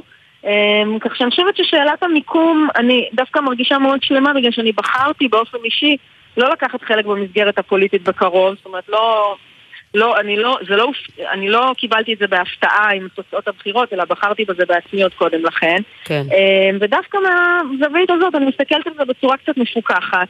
יכול להיות שאני אחלק פליירים, יכול להיות שאני אהיה פעילה באיזושהי עמותה, באיזושהי מסגרת אחרת, אבל באמת... תחלקי פליירים. הערכים, זה מה... מה תעשי, את כבר כן, יודעת? לא, לא. רגע, לא, לא, לא, לא, לא, אוקיי, לא, מעורבות פוליטית בסדר, אבל מה תעשי, את לא. יודעת? כן, לא, אני, אני אדם פוליטי בתוכי, אז אתה יודע, זה לא דבר שנחבא ונדלק ככה בשנייה, אלא זה דבר שהוא תמיד בוער, ורק מפוזיציה אחרת. אין לי תוכניות עדיין, אה, אני עדיין, אה, כמו שאתם רואים, אתם עכשיו מדברים איתי משארם א-שייח, אה, חותמת על הסכם, ואני עדיין, יש לי עוד דברים להשלים בימים האחרונים במשרד אה, להגנת הסביבה, שבאמת טיפלנו בהם בשנה. את לא חוצה- ויש עוד את- זמן את לא- עד שהקואליציה החדשה תוקם, אז... אה, אלא אם את לא חוצה את הקווים אני למפעלי ים המלח או לבתי זיקוק או חס משהו. וחלילה, לא, לא, לא. עכשיו, לא, עוד- לא, שאלה לא אחת על רעיונות. אה, עוד שאלה אחת על רעיונות. כן. אז זהבה גל- גלאון אומרת אה, בריאיון להילו גלזר בהארץ, אחד הלקחים שהיא כן מפיקה עכשיו, היא אומרת, לא עדכנו את העמדה שלנו, המשכנו לדקלם את אותו דקלום שצריך לסיים את הכיבוש, אבל איך בדיוק לא נתנו פתרונות עדכניים, אולי אין. מה את חושבת על האמירה הזאת? לא, תראה, אני, אני חושבת שדווקא אנחנו שייכים למחנה שלאורך באמת עשרות שנים היה זה שייצר את הרעיונות. מהסכם אוסלו ועד יוזמת ג'נבה ועד אה, כל ארגוני החברה האזרחית שאנחנו מעורבים בהם. לא, אבל אולי הפסקתם לעשות את זה אחד- בשנים האחרונות. אז אני חושבת שהמציאות, אה, את יודעת, כאילו המציאות לא השתנתה אה, והיא צריכה להשתנות ולכן כשאני מדברת על מאבקים, קראת לזה רעיונות, אבל כשאני מדברת על מאבקים, את יודעת, המאבק לזכויות נשים, לזכויות להט"ב, לצדק אקלימי ולסיום הכיבוש ולעובדה שמדינת ישראל לא תהיה, לא תשלוט בגורלו של אה, עם אחר שמונה מיליונים של אנשים, האמיתות האלה הן נכונות תמיד. אני שייכת לאלה שחושבים שזו המציאות ואנחנו צריכים להגיד את האמת כפי שהיא, גם כשהיא לא פופולרית. אה, וזה נכון שהמסגרת הפוליטית שמייצגת את הרעיונות האלה באמת סיימה את דרכה, וזה נכון, זה, זה, ואני אמרתי, זה רגע משמעותי, אולי אפילו עצוב אה, לחלקנו, אה, אבל אם אנחנו מסתכלים על המציאות שצריכה להשתנות, אז אין לנו ברירה אלא להסתכל בתקווה ובאומץ איך אנחנו ממשיכים לשנות מציאות ולהשפיע, ובמציאות אלה שינויים שיכולים להיות מהירים יותר ממה שנראה. זאת אומרת, אם מסתכלים על העולם, וגם על ההיסטוריה של ישראל, הרבה פעמים היה נראה שהדברים הם אה, הדמוגרפיה והדברים לא הולכים לשום מקום וזה, ועכשיו נידונו לעשרות שנים, וכעבור תקופה לא ארוכה הדברים משתנים. אני אדם אופטימי בס- בבסיסי, זאת הסיבה שגם בחרתי בזירה הפוליטית, כי, כי אני מאמינה שאפשר להשפיע ולשנות, זה פשוט יהיה מפוזיציה אחרת מכאן והלאה. השרה תמר זנדברג, אה, לעוד כמה זמן נכון התואר הזה? עד אה, שתקום קואליציה. שאלה מצוינת. זה, זה כמו לידה, כל יום קמות בבוקר, ואולי היום, אולי מחר, אולי עוד שבוע, ונעשה את המקסימום מכל יום, וכשזה יגיע, אז נ- ניפרד ב... זה תלוי בסמוטריץ', בקיצור. ונשלח את ה... נשלח את הנושא למישהו אחר. אני כן אוקיי. רק רוצה לומר שבאמת, מבחינת המשרד להגנת הסביבה, אני מאוד מאוד מקווה ששר או שרה יבואו וימשיכו את מה שעשינו, כי זה באמת נושא קיומי לכולנו, לא פוליטי, ושבאמת נוגע לחיים של כל אחת ואחד מאיתנו. בתחום הזה, מקווה ש... נראה מה יקרה עם המס על החד"פ. אוקיי, השרה להגנת הסביבה, תמר כן. זנדברג, תודה רבה. תודה רבה, ערב טוב. עכשיו, כמו בכל שבוע, נגיד שלום לגיא בן סימון, עורך ראשי של אתר ספונסר. שלום רב, ערב טוב. אז אה, גיא, אפשר לומר שהשבוע הזה העיניים נשואות ליום שני, יום שני אמורה להיות החלטת הריבית אה, בישראל, וההערכה היא שמה? עוד העלאה? אז, בעצם אה, אני כן, אתקן, עוד- רגע, אני אתקן. זה לא כן. עוד העלאה, אלא בכמה. בכמה. כן, בדיוק, בדיוק. אה, בפני בנק ישראל אה, עומדת דילמה האם להמשיך בקו האגרסיבי של העלאות של אה, 75 נקודות בסיס, או אולי להסתפק בפחות מזה, בהעלאה של חצי אחוז. הנתונים שפורסמו בשבוע האחרון הם די מעורבים. אה, קודם כל ראינו עלייה בשיעור האבטלה בישראל, שיעור האבטלה שדווקא ירד מתחת לרמות של 4% בחודשים האחרונים, בעקבות היציאה אה, של המשק מתקופת הקורונה, התאוששות מאוד מהירה אגב. עכשיו אנחנו שוב רואים עלייה באבטלה, רואים פיטורים במשק, בסופו של דבר אלו אה, תוצאות... כן, אז זה גלי הדף, אלה גלי הדף של, למעשה כן. של הכפר הגלובלי, כלכלה עולמית, אנחנו רואים האטה כללית, ולכן זה משפיע גם על ישראל, כל שכן בחברות בינלאומיות. אז, אז כן, אז בהחלט זו תוצאה של העלאת הריבית אה, גם במשק, כמו שקרה בעולם, ואתה יודע, גם באותו שבוע, אגב, אה, באותו יום אפילו, של, אה, שפורסמו עוד אה, נתוני האבטלה, אז גם פורסם קצב הצמיחה של המשק ברבעון השלישי של השנה. הוא בעצם הצביע על האטה בקצב הצמיחה, המשק עדיין צומח, אבל בקצב פחות ממה שהיה ברבעון השני, מדובר בשני אחוזים בערך ברבעון, בקצב שנתי, אבל חמור מכך, בעצם נרשמה הת- התכווצות בצריכה הפרטית. ראינו ירידה ברכישות בכרטיסי אשראי בשבועות האחרונים, ואתה יודע, זה גם הש- השלכות של העלאות הריבית. וזה מעמיד את בנק ישראל בפני דילמה, האם כדאי לעצור רגע, אה, להוריד את הרגל מהגז ולהסתפק בהעלאה נמוכה יותר, או להמשיך בהעלאה אגרסיבית כדי לרסן את האינפלציה. וגם האינפלציה, בשבוע האחרון ראינו גם את אה, מדד המחירים לחודש אוקטובר, שהוא עלה מעבר לצפוי, וקצב האינפלציה בישראל כבר עולה על חמישה אחוזים אה, בקצב שנתי. אבל בואו נשים פה, אה, נפתח סוגריים ונאמר שבעצם להמשך הציפייה היא שהאינפלציה תתמתן אה, בחודשים הבאים, אה, אבל אתה יודע, קשה מאוד לנבא מה יהיה. ההערכות האלה הם אה, מה שחושבים כרגע בשוק, לפי כל מיני מדדים, ירידה במחירי הסחורות, ו... בכל זאת, בכל אופן, קשה לדעת את התחזיות, אבל עדיין זאת הדילמה שעומדת לפני בנק ישראל, וכל העיניים נשואות ביום שני להודעת הריבית, ובואו בוא נראה מה, מה יקרה שם. אתה יודע, אנחנו הרי בסופו של דבר, המדיניות הישראלית היא נגזרת של הכלכלה העולמית, וישראל כל הזמן נושאת עיניים, הברית וגם השווקים אה, באירופה. יש הערכה מתי ה... הפד בסופו של דבר יתחיל למתן את עליות אה, הריבית, כי כולם מדברים, הנה אנחנו אוטוטו, אוטוטו בתחתית של החבית ומתחילים לעלות בקו של הפרבולה. נכון, אז אם אתה זוכר באמת שבוע שעבר היינו בשיחה מאוד אופטימית, ראינו שנתוני האינפלציה הפתיעו בארצות הברית, אבל אמ, אחרי כמה ימים אנחנו רואים שבעצם מחירי הפד מתבטאים בתקשורת, בניגוד אגב למה שקורה בישראל, פה בישראל אתה לא תשמע אף אחד מהבנק המרכזי מדבר אה, מדי פעם עם התקשורת ואומר מה הוא חושב. למה ההבדל הזה? אני פותחת רגע סוגריים. אמ, תראי, בבנק ישראל יש ועדה מוניטרית שמתכנסת פעם אה, בהכנסת הריבית, ושם הם דנים אה, מה כל אחד חושב. יש קונצנזוס שבסופו של דבר אה, החלטת הריבית, כל מה שנאמר שם נשאר שם, זה המצב בישראל, אבל אגב, בישיבה האחרונה, חבר אחד מבין ששת הוועדה חשב שדווקא צריך למתן את העלאות הריבית. בחודשים האחרונים בעצם כולם חשבו פה אחד שצריך להעלות את הריבית ברמה אגרסיבית. אז למה זה קורה? זה- זו שאלה באמת אולי שצריך לפנות לבנק ישראל, אבל ארה"ב נוהגים לדבר, אה, לדבר את עצמם לדעת. ראינו בכירים שמתבצעים השבוע שאומרים שלא לא להתבשם מנתונים של חודש אחד בארצות הברית, ונחושים לה- להוריד את האינפלציה, היא נמצאת שם בשיא של 40 שנה. אמנם אולי ראינו שינוי כיוון, אבל עדיין מוקדם כדי להגיד. יאי בן סימון, עורך ראשי אתר ספונסר. תבוא בשבוע הבא עם בשורות. בעזרת השם. תודה. תודה. כבר חוזרים שעה שנייה.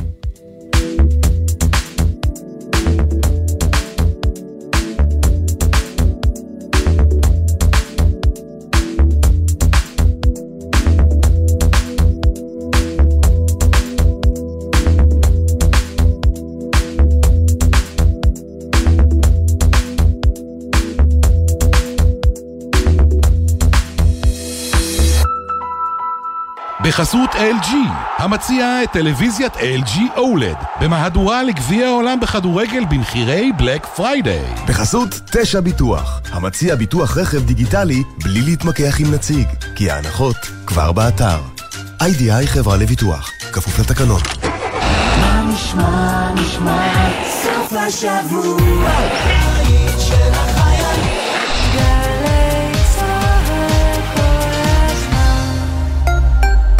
אם בשביל מענק מהמועדפת של כעשרת אלפים שקל אני צריך להיות מוקף בים כל היום ולקבל הזדמנות לעבודה בתחום האנרגיה, אעשה את זה. השתחררתם מהצבא או מהשירות הלאומי? גם עבודה בלתי מקצועית באסדת גז יכולה להיות עבודה מועדפת עם מענק של כעשרת אלפים שקל. היכנסו לאתר הביטוח הלאומי ותבחרו את המועדפת שתעניק לכם חוויה חד פעמית. שלום, כאן גיא הוחמן, ורציתי לדבר איתכם היום על כלים חשמליים שחייבים לנהוג בהם. גיא, סליחה, אבל אומרים לרכוב. רוכבים על אופניים חשמליים או גלגינוע, קורקינט חשמלי. נשמה של ברבור, לנהוג. תאמין לי, לרכוב. מהארשמלו של האבא, גם לנהוג. כי כלים חשמליים בכביש הם כלי רכב, ולכן הנוהגים בהם חייבים לציית לכל חוקי התנועה והתמרורים. לא עוברים ברמזור אדום, לא נצמדים לרכב מצד ימין בצומת, ונוהגים תמיד בצידו הימני של הכביש. כי אם רוכבים בכביש, נוהגים לפי החוקים. כולנו מחויבים לאנשים שבדרך, עם הרלב"ד.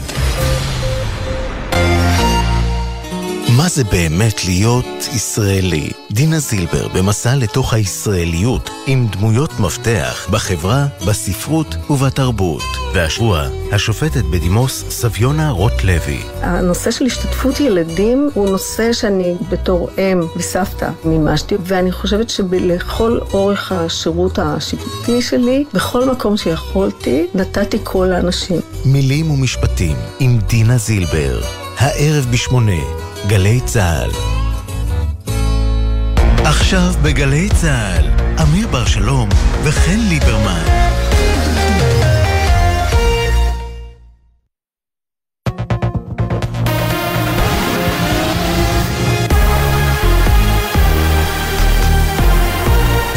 גלי צה"ל השעה 6, באולפן שילה רוזנפלד עם מה שקורה עכשיו. שבועיים לאחר פציעתה האנושה של הנערה תמר אהרון מירי טועה בחברון, צה"ל הטיל כרוזים בעיר המזהירים מפני ירי לא חוקי. מדווח כתבנו הצבאי, דורון קדוש. שבועיים לאחר שהנערה תמר אהרון, בת ה-13, נפצעה אנושות מקליע טועה כשהלכה ברחוב בחברון, צה"ל הטיל כרוזי אזהרה בחלקים הפלסטינים של העיר, בהם נכתב: הירי מסכן את חייכם והוא פעולה בלתי חוקית, צה"ל לא יאפשר להשתמש בנשק ויבצע פעולות נרחבות לאכיפת החוק, מי שישתמש בנשק ללא אישור יסכן את חייו ואת סביבתו. צוותי המשא ומתן של מפלגות הציונות הדתית והליכוד נועדים בשעה האחרונה בירושלים כחלק מהמשא ומתן הקואליציוני. זאת לאחר פגישה בין אנשי הליכוד למפלגת ש"ס.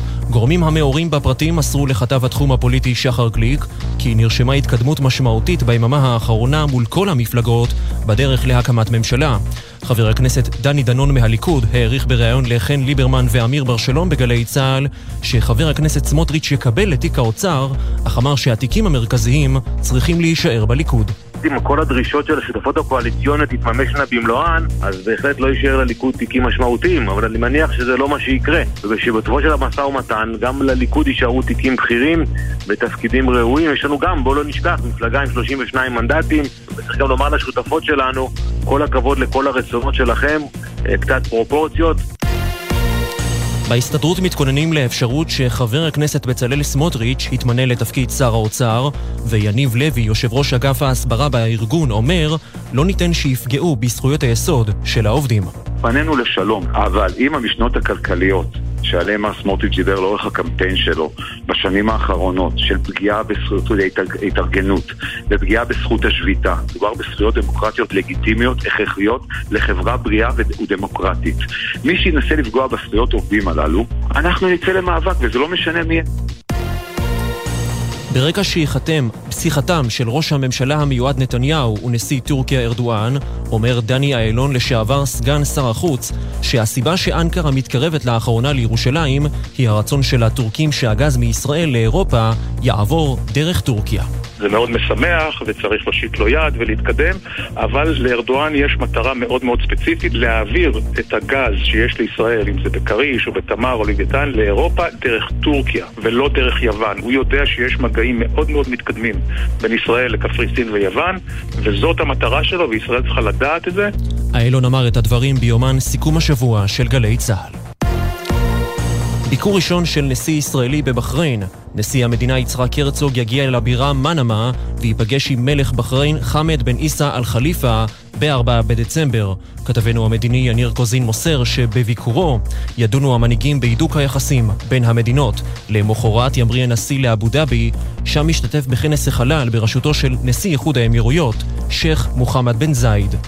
מזג האוויר הלילה יהיה מעונן חלקית, במישור החוף עדיין ייתכן גשם מקומי ברובו קל, מחר בצפון הארץ ייתכנו ממטרים מקומיים, הטמפרטורות תעלנה במעט בהרים ובפנים הארץ. אלה החדשות שעורך ערן קורץ.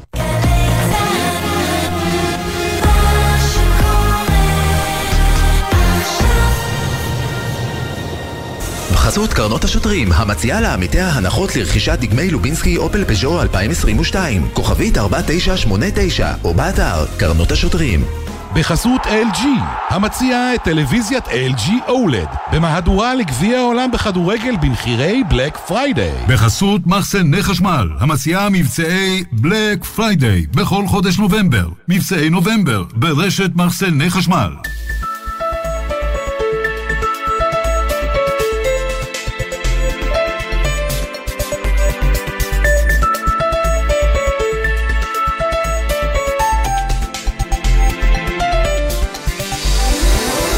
יומן סיכום השבוע עם אמיר בר שלום וחן ליברמן.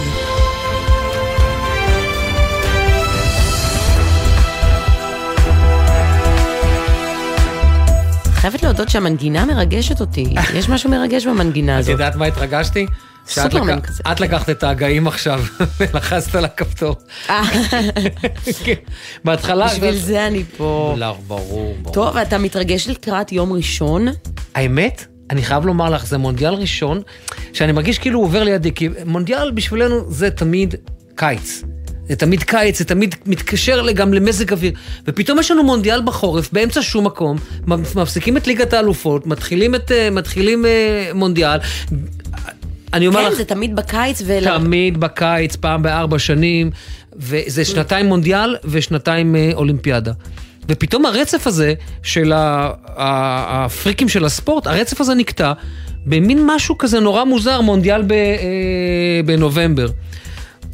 לי, זה, אני מחכה לזה, אבל זה מוזר, אין לי את ההרגשה הזאת של, את יודעת, אני אה, נורא רוצה שברזיל תיקח. כן. ברור לי, למה? ספרי לי מה זה. כי אה, אשתך... ושורשיי, כן. ושורשיך עם ברזיל, גם לי יש משפחה בברזיל. אתה יודע מה? גם אני רוצה שברזיל תיקח. אם כבר, יאללה. יאללה, אז אה, אנחנו שותים כן. אה, אה, אה, לחיים, אה, כאן, מים, אה, מים לחיים. קינצ'סה. איך? קשסה. קשסה. קשסה. קפיריניה, זה מה שרציתי להגיד. טוב, אה, אבל אה, ליעד דן גורי, הוא טס למונדיאל, טס לקנט- לקטר, עם הבת שלו, הוא כן מתרגש, למרות שזה בחורף. שלום ליעד. היי, מה נשמע? בסדר גמור, ואתה עם הבת שלך, בת ה-16, שטסה איתך. מה שמה? כן. קודם כל אנחנו איתנו? מצטרפים אליכם, כן, היא איתנו, ואנחנו קודם כל מצטרפים אליכם בתקווה שאנחנו נוסעים לראות את ברזיל לוקחת את הגביע השישי. אז גם אתה בעד ברזיל. אה, אתה יודע שזה לא יקרה אם אנחנו מדברים על זה כך. ברזיל, ברזיל תמיד כשמדברים עליה כאנדרדוג, בסוף היא לוקחת. עד אז... אה, אבל אני חייב לומר, אני חייב, אני חייב לומר, וזה אחר כך מיד, אני חייב לומר שאני לא אצטער אם ארגנטינה תיקח רק, רק בשביל מסי. אני יודע שאמרתי עכשיו בשר חלב, שמן מים. כן, כן, לא... טוב, אז מה התוכניות? ספרו לנו. אז ככה, אה, אנחנו טסים שבוע הבא, בעיקר הולכים למשחקים של ברזיל, אה, בין לבין אה, יש לנו גם להעביר את הימים, אז יש לנו גם את הולנד נגד סנגל שאנחנו הולכים לראות. הילדה בת, בת 16 וחצי, השנה גם יש לה בגרויות, אז קצת קיצרנו את כל התהליך הזה. בשביל שתפסיד כמה שפחות זמן לימודים, כי כמו שאמרו לפני זה, אז המונדיאל הזה לא יוצא בקיץ, הוא יוצא, לא רק שזה בחורף, זה גם באמצע החיים. גם רגע, באמצע תסביר. מתי, מתי הזמנת את כל הכרטיסים ואת הבתי מלון? לפני כמה זמן? אה, אנחנו כבר בערך חצי שנה, ב... יש ככה, יש כמה סבבי מכירות של פיפא, אז בניסיון הראשון לא הצלחתי להשיג כרטיסים, בניסיון השני הצלחתי להשיג רק אה, אה, לשני משחקים של ברזיל, ובניסיון השלישי אז עוד משחק של ברזיל, ואחר כך בא השלב שצריך גם להזמין לינה שמה, ורק אחרי זה שמקבלים את האישור כניסה לקטר אז אפשר גם להזמין אה, טיסה. המונדיאל הזה הוא יותר מורכב מבחינת הפרוצדורה להגיע לשם. זה קצת יותר מורכב ממונדיאלים אה, קודמים שהייתי גם במונדיאל ברוסיה וגם במונדיאל בברזיל, ושם זה היה קצת יותר פשוט. איך הם מבלים שם בין המשחקים? מה אתם מתכננים לעשות בקטר?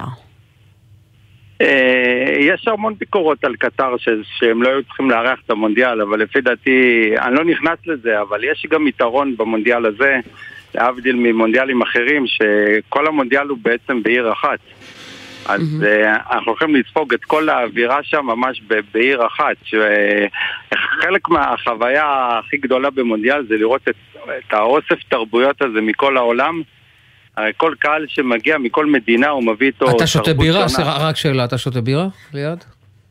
אה, כן, שותה. אתה יודע כמה הולך לעלות שם בקבוק אה, בירה ורק יש לך בין 7 ל-11 במחיר ממוצע 50 כן. שקלים לבקבוק בירה, סיפרו לי את זה אנשים שנמצאים עכשיו בקטאר. כן, ידוע, אני יודע את זה, כן. ות- אבל אה, אני לא נוסע לשם בשביל לשתות בירה. אני יכול לשתות בירה פה בארץ, לנסוע לשם, ולחזור לפה עוד פעם לשתות בירה. הבירה זאת לא המטרה. תגיד, אמרת שהיית גם אה, במונדיאל בברזיל, גם ברוסיה. מה, מה, הייתה, מה היה המונדיאל הכי יקר, אם אתה כולל גם את קטר? אה, לדעתי קטר הכי יקר. זה גם הרבה תלוי... אה, כמה יקר? מאיפה מס...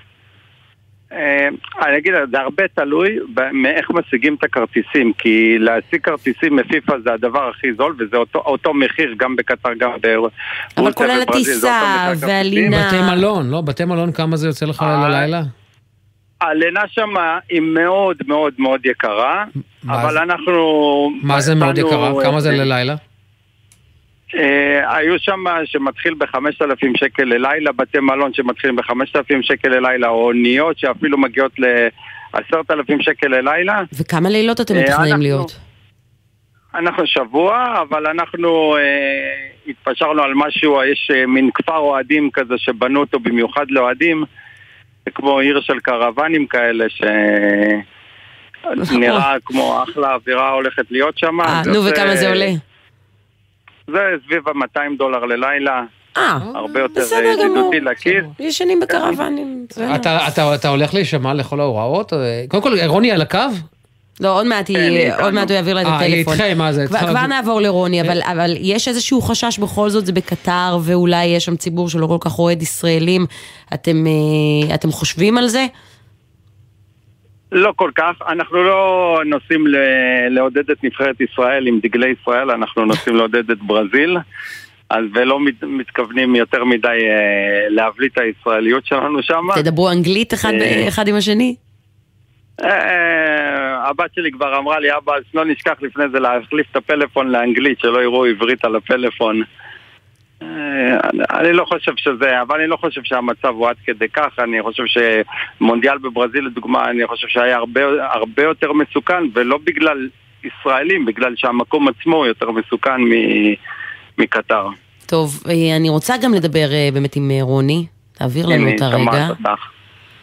היי רוני. היי. מתרגשים? זה מונדיאל ראשון? כן. את נשמעת מאוד מרוגשת. מה, אה, מה את עושה בדרך כן, כלל מאוד. כשאבא צופה בכדורגל? את מצטרפת? את צופה בכדורגל? כן, אני רואה איתו, שמים את כל הסלון בדגלים וזה. מה הקבוצה האהובה עלייך פה בארץ? אה, מכבי חיפה נראה לי. זו גם הקבוצה האהובה על אבא? כן. אה, אוקיי. אוקיי, צירוף מקרים. שכזה. ואת גם בעד ברזיל? כן, מאוד. למה? מגיל קטן אבא חינך אותי ככה. לאהוב את ברזיל תמיד.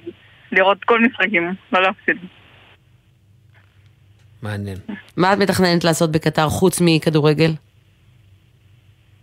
אה, לא חשבתי על זה בתכלס, אני טסה בשביל אה, לחוות את החוויה של המונדיאל, חיים. אני גם בת 16 ולא ראיתי הרבה אנשים בגיל שלי טסים לשם.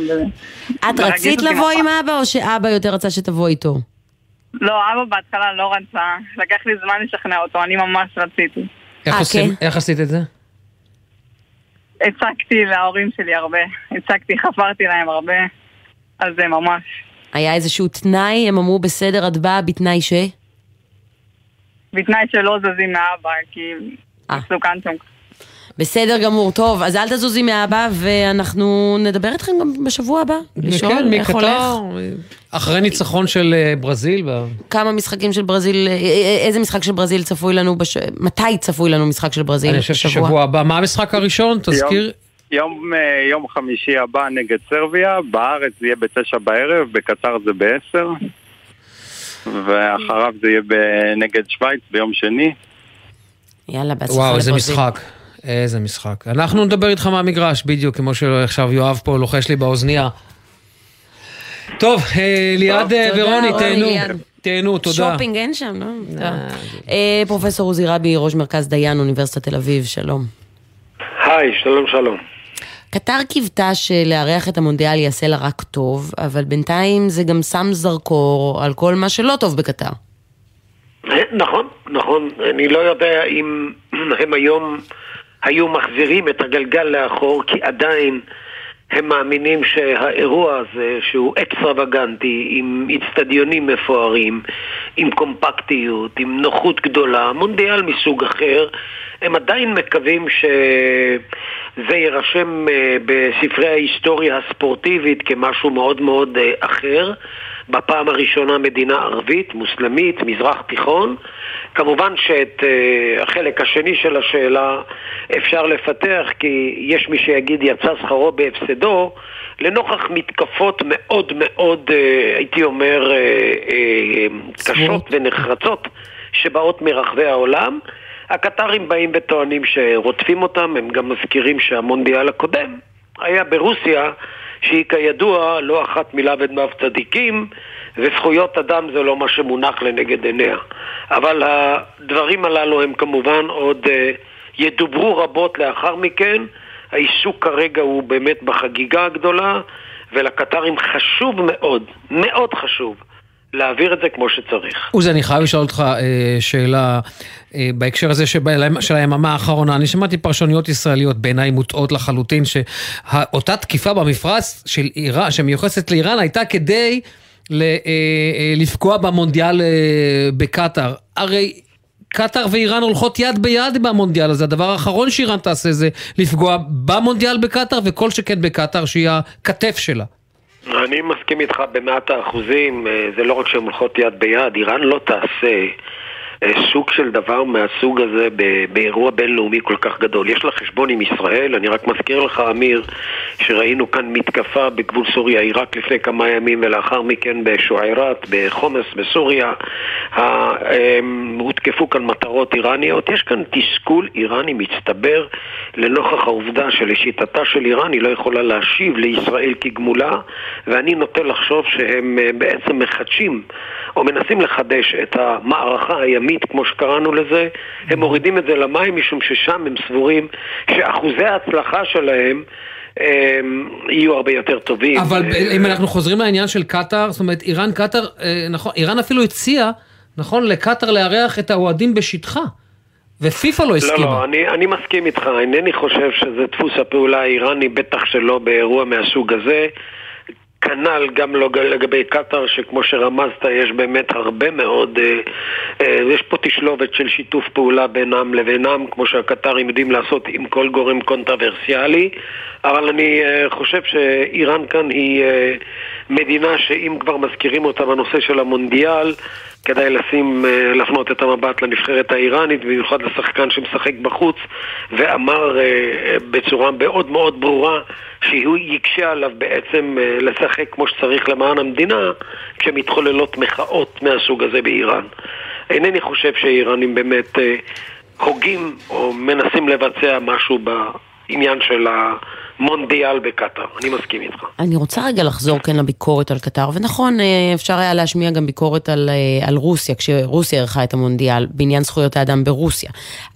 ונזכיר שאז לא הייתה את המלחמה באוקראינה. אה, אבל הביקורת על קטר גם נוגעת לדיווחים על פועלים. שעזרו להקים את כל, את כל האצטדיונים האלה. מה אנחנו יודעים מבחינת עובדות? אני חושב שאין אה, ספק שפה נעשה מעשה מאוד מאוד אה, אה, מכוער, אה, אכזרי. הקטרים בעצם קיבלו ב-2010 את ההודעה שהם הולכים לעשות מונדיאל ב-2022. הם היו בלי תשתית לחלוטין, ויש מאין, כדרכם בקודש, הם רצו להקים בסופו של דבר את מה שהיום נראה מאוד מאוד מפואר, זה שמונה אצטדיונים, הם כולם ברדיוס של 75 קילומטר, משהו כמו תל אביב רבתי, ומה שנוצר כאן זה מצב שבו הם גייסו מכל הבא ליד עובדים בעבודות שחורות, עבודות כפיים. עובדים. מהודו, מאיפה, מאיזה מדינות הם הביאו את זה העובדים? בעיקר תת היבשת ההודית, זאת אומרת הודו, פקיסטן, בלוצ'יסטן, מקומות מהסוג הזה, וכמובן דרום מזרח אסיה, פיליפינוס ואחרים. אה, זה בדרך כלל אה, טיפוס העבודה אה, במדינות המפרץ בעניינים הללו.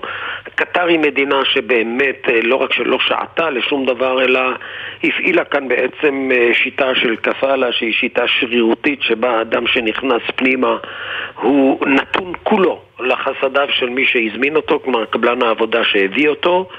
אני חייב לומר לכם שהקטרים בעצם אה, נדהמו מהמתקפה העולמית עליהם, משום שהם בתרבות שלהם הבינו שמה שמעניין את העולם זה שהמונדיאל יצא בזמן, שהכל יהיה אה, כפי שהוא צריך להיות. ולא נורא, אם- כמה- כמה- על כמה פועלים מתים אנחנו אה, מדברים? מדובר כאן על אה, משהו בסדר גודל של אלפים, זה בין 5,000 ל-6,000. אלה הדיווחים שפחות או יותר אפשר לשים עליהם את האצבע מכל מה שאני לפחות ראיתי. כמובן שהדברים הללו מצטרפים לחום איום ונורא. הקטרים החל מ-2017 הקשיבו לקולות הביקורת, אה, פטרו את העובדים בשעות, בשעות השיא של החום מ-10 עד אה, שלוש וחצי אה, אחר הצהריים. אה, ניסו אה, להביא כל מיני, מה שנקרא, אה, הקלות וזכויות ועוד כהנה וכהנה כדי לשדר לעולם שהם שומעים, מבצעים ועושים. צריך לזכור, זו מדינה שהנראות מאוד חשובה לה, משום שהיא מגלגלת עסקים עם כל העולם, ופה בהחלט נופל הדבר הזה אה, כמו כדור שלג, שהקטרים בשלב מסוים אה, פשוט התעייפו מלומר שידם לא הייתה במעל, והחלו לתקוף בחזרה את מי שתוקף אותם באיזשהו סוג של הטיה ו... אה, בוא נאמר, אה, כאילו מס שפתיים לכל מיני דברים שהם political correctness על גבה של קטאר. אבל היה גם היה, כמובן שגם המונדיאל נקנה בהרבה כסף. יש, אה, בהקשר הזה, מישהו, לכו לנטפליקס, יש תחקיר לדעתי של אחת מהרשתות הבריטיות בעניין הזה, של איך, נכון. איך קטאר קנתה את המונדיאל. תרתי איך היא משמע. קנתה את המונדיאל, איך פלטיני וספלטר היו מעורבים, יש כאן באמת סיפור גדול. אה, אני חושב שאין חולק על כך. הם לא הראשונים שקונים מונדיאל, או בעצם קונים באופן חלקי, אבל הקטרים, כמו הקטרים, עם המון כסף, מדינה כל כך עשירה, שכל מה שבעצם עומד בראש מעייניה זה שאדם יבוא לקטר ויגיד, וואו, ראיתי כאן מונדיאל, אבל ראיתי פירוטכניקה וראיתי קומפקטיות וראיתי סדר וכל הדברים הללו, אה, הם מאוד מאוד אה, אה, מוטרדים, אפשר לומר, מהדברים שנלווים כאן, ולכן הם עוקבים בשבע עיניים אחר כוחות, תנועות, אנשים, או כל מי שיעשה איזשהו מופע של הפגנה או מחאה, בין אם במגרש או מחוצה לו, וצריך לזכור, זאת מה, מה הם יעשו. למי שינסה להפגין? מה זאת אומרת? הם פשוט יוציאו אותו מחוץ למדינה, מה זאת אומרת? כבר עכשיו, אודי, וזה מחזיר אותנו לשני אירועים, אה, אני מאוד אשמח שתתייחס לזה. אחד, אה, קטאר למעשה נענית לדרישה האיראנית לא להכניס עיתונאים ששייכים לכלי תקשורת של האופוזיציה האיראנית באירופה. זה אחד, זה נכון לאתמול. שתיים, ראינו את מה שקרה עם העיתונאי הדני שעומד ומשדר מהרחוב ופתאום מתנפלים אליו ומכים אותו אנשי המשטרה הקטרית, אשר אין להם מושג שזה הכללים במונדיאל. תראו, אני, אני מודה שלי זה הרס את החשק אה, ליהנות מהמונדיאל הזה. שוב, לא- מעולם לא הייתי צופה מושבעת של המונדיאל, אז אולי זה קל? יותר להרוס לי את החשק, אבל. זה, אני חושבת על אותם פועלים שהגיעו לשלוח חן. כסף למשפחות שלהם ומצאו את מותם בחום הזה בעבודות בשביל, אה, זה- בשביל זה שאנשים נכון. יוכלו ליהנות מכדורגל. לי, לי אין חשק לזה. אז קודם כל, קודם כל זה כנראה קרה, וגם הקטרים בסופו של דבר מנסים לשנות את דרכיהם. אני רק רוצה להזכיר לך, את זה אנחנו שוכחים. אם אני לוקח אותך 60 שנה לאחור, אנחנו מקבלים פה חברה שבטית מאוד מאוד פטריארכלית, עם ערכים מסורתיים מאוד נוקשים. צריך לזכור שאי אפשר לעשות בן יום, במונחים היסטוריים עשרות שנים זה בן יום. כן. מעברים מהסוג הזה, וזו מדינה שהיא מאוד מאוד אה, אה, חרדה לרפיוטציה שלה ולאיך היא נראית, והיא נפגעה קשות ממה שהיא עצמה עשתה, ולכן אנחנו נראה בעצם איך הקטרים התנהלו. מה שאמיר אמר כרגע על איראן רק מוכיח שבסופו של דבר איראן וקטאר זה יד ביד. מה שאתה אמרת לגבי אמיר, לגבי העיתונאי הדני, זה בדיוק העניין. אתה תבוא לקטאר, אתה רוצה גוד טיים, תקבל הכל. אל תניף לי שלטים, אל תתחיל לצלם בעצם ברחבה הציבורית ולשלוח כל מיני אה, אה, צילומים שיביעו מחאה. אה, אל תבוא לי עם חולצות שעל ה, על ה, על, על הכיתוביות שלהן כתוב שבעצם קטאר היא מדינה שחיה בעוולה, בשחיתות וכך הלאה, ודנמרק זה בעצם סדין אדום לנגד עיניו של שור. אני מניח שזה שהעיתונאי הזה הוא דני לא הוסיף בריאות לעניין.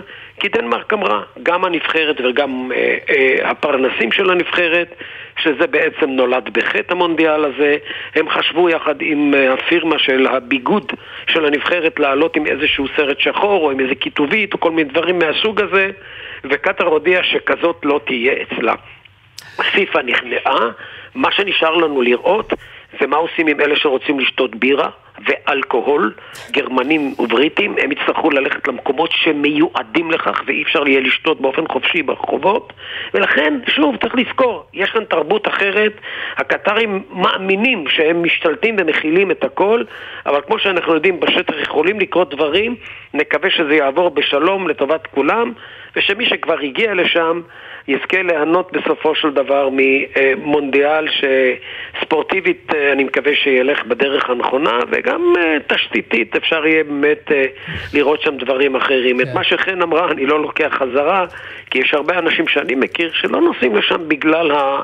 התחושה הכבדה הזו שמאחורי הדברים, הדברים האלה נולדו בחטא. ולכן אפשר לכבד בהחלט ולקבל, להסכים גם עם האמירה הזו, אני בהחלט נמצא עם מי שמקבל זאת. אוקיי, פרופסור עוזי רבי, ראש מרכז דיין אוניברסיטת תל אביב, תודה רבה לך. תודה, תודה רבה לכם. תודה.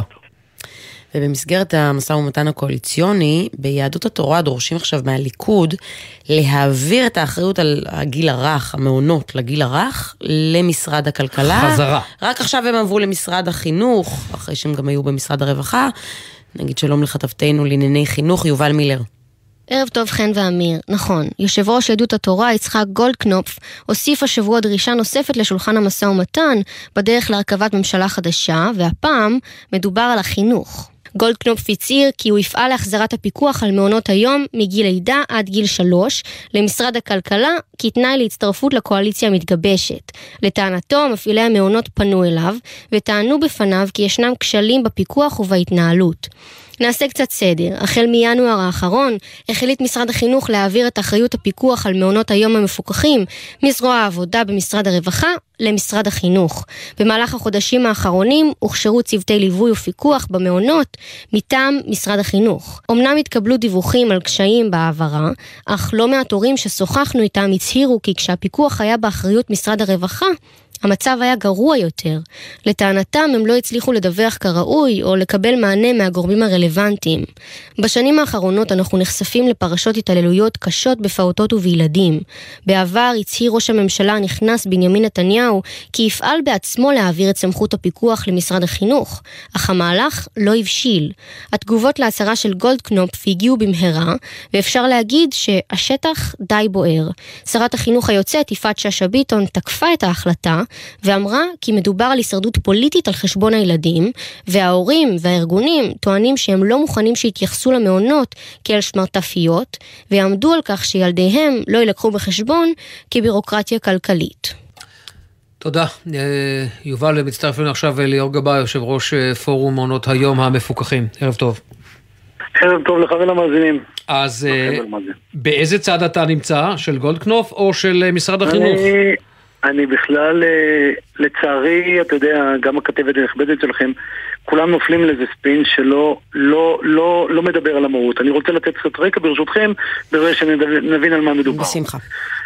פורום הארגונים שמרכז את מרבית הארגונים החברתיים שמפעילים את מעונות היום בישראל, פנה. בפנייה מאוד פשוטה ובסיסית.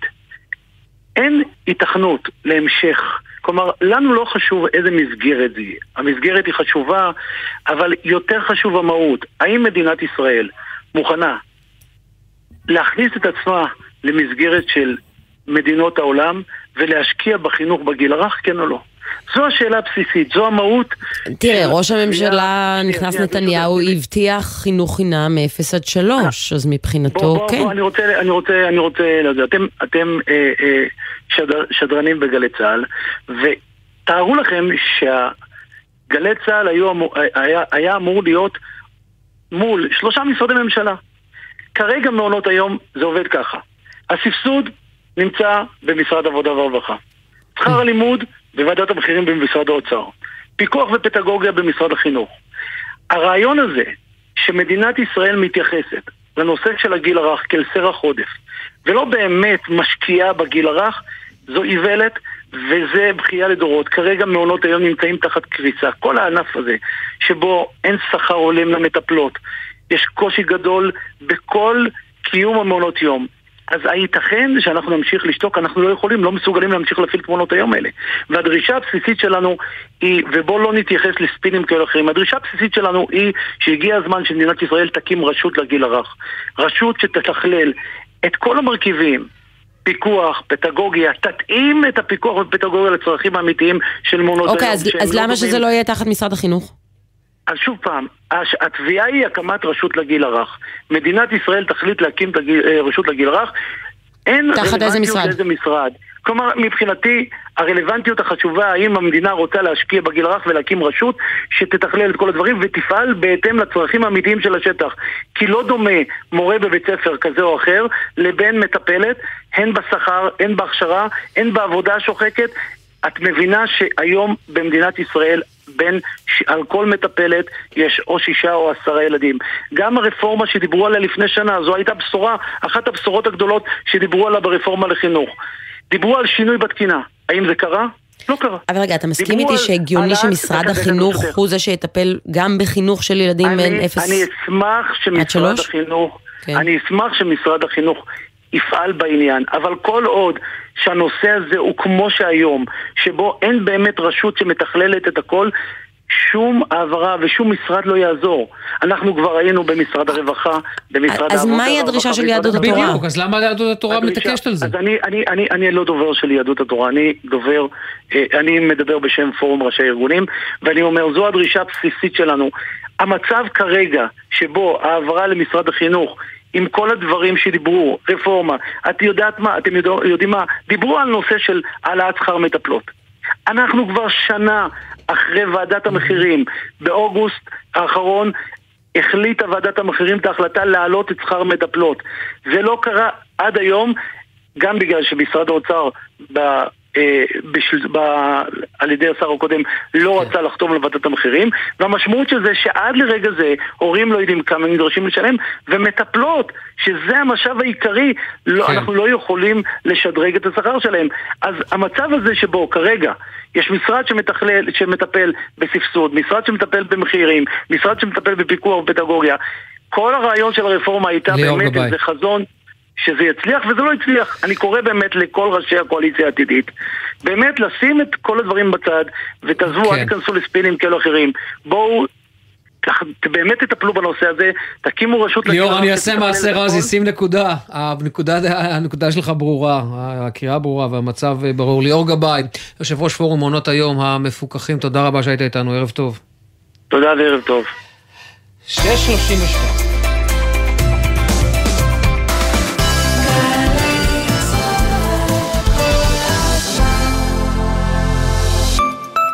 יזמים ויזמיות, יש לכם רעיון גדול למיזם טכנולוגי?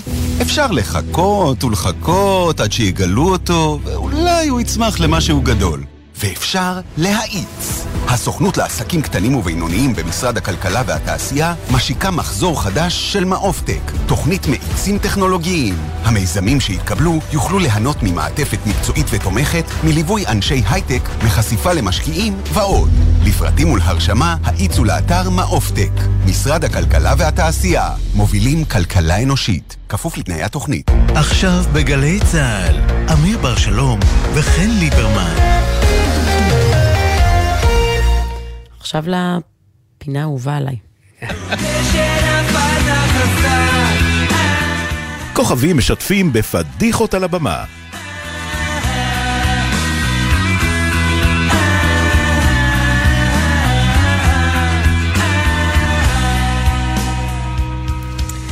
גבי אמרני. כן. שלום. תראה, עם קריירה ארוכה כמו שלך, בטח יש מלא פדיחות. הצלחת לבחור אחת? לא, אה, תראי, זה, זה, ה- ה- האחת הזאת שאני זוכר זה במקרה, כי העלו, מעלים עכשיו את אה, קזבלן, אה, ואז פתאום עם איתי לוי. נזכרתי בזה מקרה שקרה לי בקזבלן הראשון, זאת אומרת, הוותיק הראשון. ואז אה, אמרתי, "טוב, אולי זה יעניין את הציבור, את המאזינים, אני יודע. קזבלן. בחיכובו של יורם גאון. מה זה? אתה אומר קזבלן מימי יורם גאון? אורן גאון חברי. אוקיי, אז מה, מה קרה שם? תראי, אנחנו הופענו בקזבלן, קזבלן היה שלאגר אימים ו- והם, באחד מהם, באחד, איך אומרים, באחד האמשים אה, הלכתי לישון כהרגלי, אה, לנוח וזה ופתאום התעוררתי כמו מטורף כי אה, הייתה, הייתה צריכה להיות, היו צריכות להיות שתי הצגות והשעה ארבע, ואני בהצגה בארבע וחצי וקיבלתי קריזה אימים, מה שנקרא, וקפצתי מהמיטה, רצתי יחף, נכנסתי לרכב כמו מטורף בגופייה, ונסעתי לאלהמברה. אתה יודע, בלי, בלי אור אדום, אור ירוק, אור צהוב, בלי שום דבר, וכולם צפצפו, ואני כמו מטורף טס לאל... לא, מה, אתה רוצה להגיד לי שעברת באור אדום? מה, הכל, הכל, הכל. עשיתי, לא עניין אותי כלום. זה היה פשוט נורא, כי יכולתי גם חס וחלילה להיכנס ל- ל- למצב לא נעים. אבל זה פשוט לא עניין אותי. אני הייתי בקריז נוראי, שיש שתי הצגות ועכשיו ארבע, ארבע ואני עוד מעט הצגה מתחילה. ואיפה אני? זה לא היו טלפונים ששואלים, הלו, איפה אתה? זהו, באתי להגיד שזה פשוט סיפור שלא היה קורה היום. זה סיפור של, אה, זה סיפור של ימי, לא היה- ימים בלי טלפונים. בלי סלולרי. כי היו מצלצלים לי כבר בשעה שלוש וחצי שלא הגעתי. את מבינה? ואז אני רץ, מחנה את האוטו, אני לא יודע איפה, זה לא משנה איפה, וקופץ לדלת של, ה, של ה, אחורי הקלעים של התיאטרון, וצועק ודופק, בקריזה, ממש הכל בקריזה, כי ההצגה צריכה להתחיל, ואני, איפה אני? ואף אחד לא עונה, ואני מקשיב, ופתאום אני מקשיב שאין שום דבר, אין רעש מה, מה, מהשער הזה הגדול של, של אחרי הקלעים. ואז יוצא אליי השוער של, של התיאטרון, שגר מאחורנית, ואומר לי, גבי, למה אתה עושה כאן? אני אומר לו, מה פעם אני עושה פה? אה, הצגה. אז הוא אומר, איזה הצגה? היום גם יום שלישי. ההצגה היא ביום רביעי. זה נשמע כמו סיוט, יש סיוטים כאלה תמיד לקראת הצגה, לקראת אירוע גדול, יש סיוטים שאתה מנסה להגיע ואתה לא מצליח להגיע, וזה ממש סיוט שהתגשם לך. אה, זה נורא, ואז אני נעלמתי, לא ידעתי מה להגיד. נכנסתי לרכב כדי כאילו לחזור הביתה, אבל לא הספקתי להתניע והתחלתי לבכות. בכי נוראי ש... של כל הפסטרציה הזאת שעברתי. גבי, אני חייב לשאול... אותך- אה, לא, בבקשה. מזל שזה נגמר בשלום, אתה. יודע. נסעת כמו אמבולנס, רק בלי סירנה. רק התחלתי לנסוע, לא יכולתי פשוט, עד שלא הוצאתי את הכל, את כל ה- ה- הלחץ הזה שהיה. וזה הפך אצלי טראומה. עכשיו, ברגע שהעלו את ה... מעלים את ה...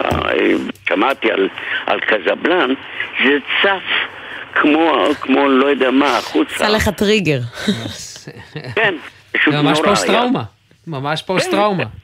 כן, כן, אני לא יכול לקבל מגודיק שום דבר בגלל זה, אבל uh, זה אשמתי, כי אתה יודע, ביום, בהצגה כזאת שאתה מופיע 30, 32 הצגות בחודש, ויש לך שתי הצגות יומיות, יום ראשון ויום רביעי, ואתה יודע, אתה שוכח, ואתה יוצא ביום שלישי ואתה חושב זה יום, יום רביעי, מה אפשר לעשות? תגיד, כש- כשאתה בדרך ואתה עובר את הרמזור באדום אוי, ואתה, אוי, אוי. ו- והכל וכל הדבר הזה שקורה, מה במחשבות שלך, ממי אתה הכי מפחד? מאיזו תגובה של מי אתה הכי מפחד?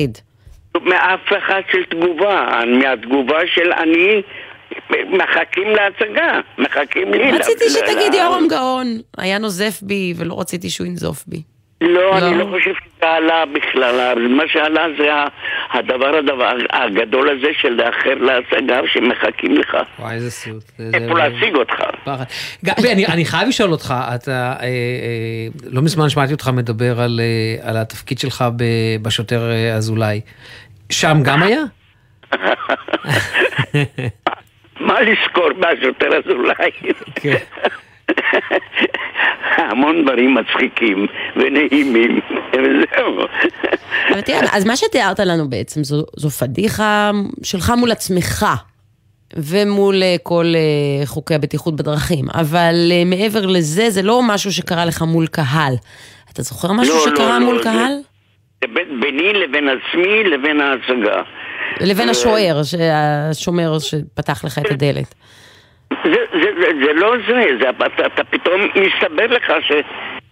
גם, גם הדלת הייתה פתוחה, הרי סגורה, זאת אומרת בעצם הדלת האחורית של הבמה היא בדרך כלל, את יודעת, פתוחה כי אה, אנשים יוצאים, אה, אלה שלא מופיעים, מעשנים, אני יודע מה ומזל שיצא הבחור, השוער, שגר שם בדיוק בכניסה ואומר לי, שהוא אמר לי דבר כזה, גבי, למה, מה אתה עושה פה? ואני אומר לו, מה, מה אני עושה פה? אני, אני מאחר להצגה, תפתח לי את הדלת. הוא אומר, איזה, איזה הצגה? יום, היום יום שלישי, ב- ביום רביעי. עכשיו, שוב, אה, אה, התאריך הזה, לא התאריך, אלא היום שמתבלבל, אה, הוא מתבלבל כי אתה ישן, נח אחרי, לפני ההצגה, ואתה צריך לקום בסביבות שש וחצי, משהו כזה. בגלל זה אני מתנגדת לשנ"צים אגב. אתה, קמים משנ"צ, אה, משנת צהריים זה, זה, זה לקום כן, אדם כן. אחר, זה מאוד מוזר, מאוד לעשות- מבלבל. בהצגת שלאגר כזאת. אתה לא יכול, זה יום יום הצגה. חוץ מיום שישי, כל, כל יום, כל יום, חוץ מיום ראשון ושני, יש לנו יומיות. רגע, גבי, אתה עדיין משחק, נכון? יש לך עכשיו אה, את התפקיד, אה, אתה משחק בהצגה עכשיו, נכון? לא, כרגע, כרגע אני לא גמר, סיימתי לפני איזה חודש ימים או יותר אה, את ההצגה שלי בבאר שבע ועכשיו אני נח וזהו, מחכה לבאות. פתוח להצעות? אני גם קצת עשיתי בדרך אה, את שלי הכובשת ועוד כל מיני פה ושם אה, בטלוויזיה וזהו, יפה. גבי אמרני, אה, אתה יודע, אני- רק מאחל לך דבר אחד, שתמשיך להיות עסוק. תודה, תודה, תודה. נכון? אחלה ברכה נראה לי. כן, שחקן. לא, אבל אני מניחה שגם אה, גם מותר לנוח, זה גם בסדר.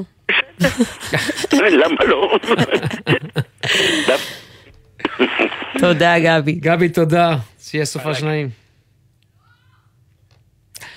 ועכשיו איתנו ניקי גולדשטיין, הוא גם עסוק מאוד. שלום ניקי. היי חן, מה העניינים? בסדר גמור. ערב טוב. ערב נהדר. מה נשמע? ש- שנצרף, אה, שנצרף איזה שיר לרקע? כן, בוא, בוא, בוא נתחיל עם שיר. יאללה, בכיף.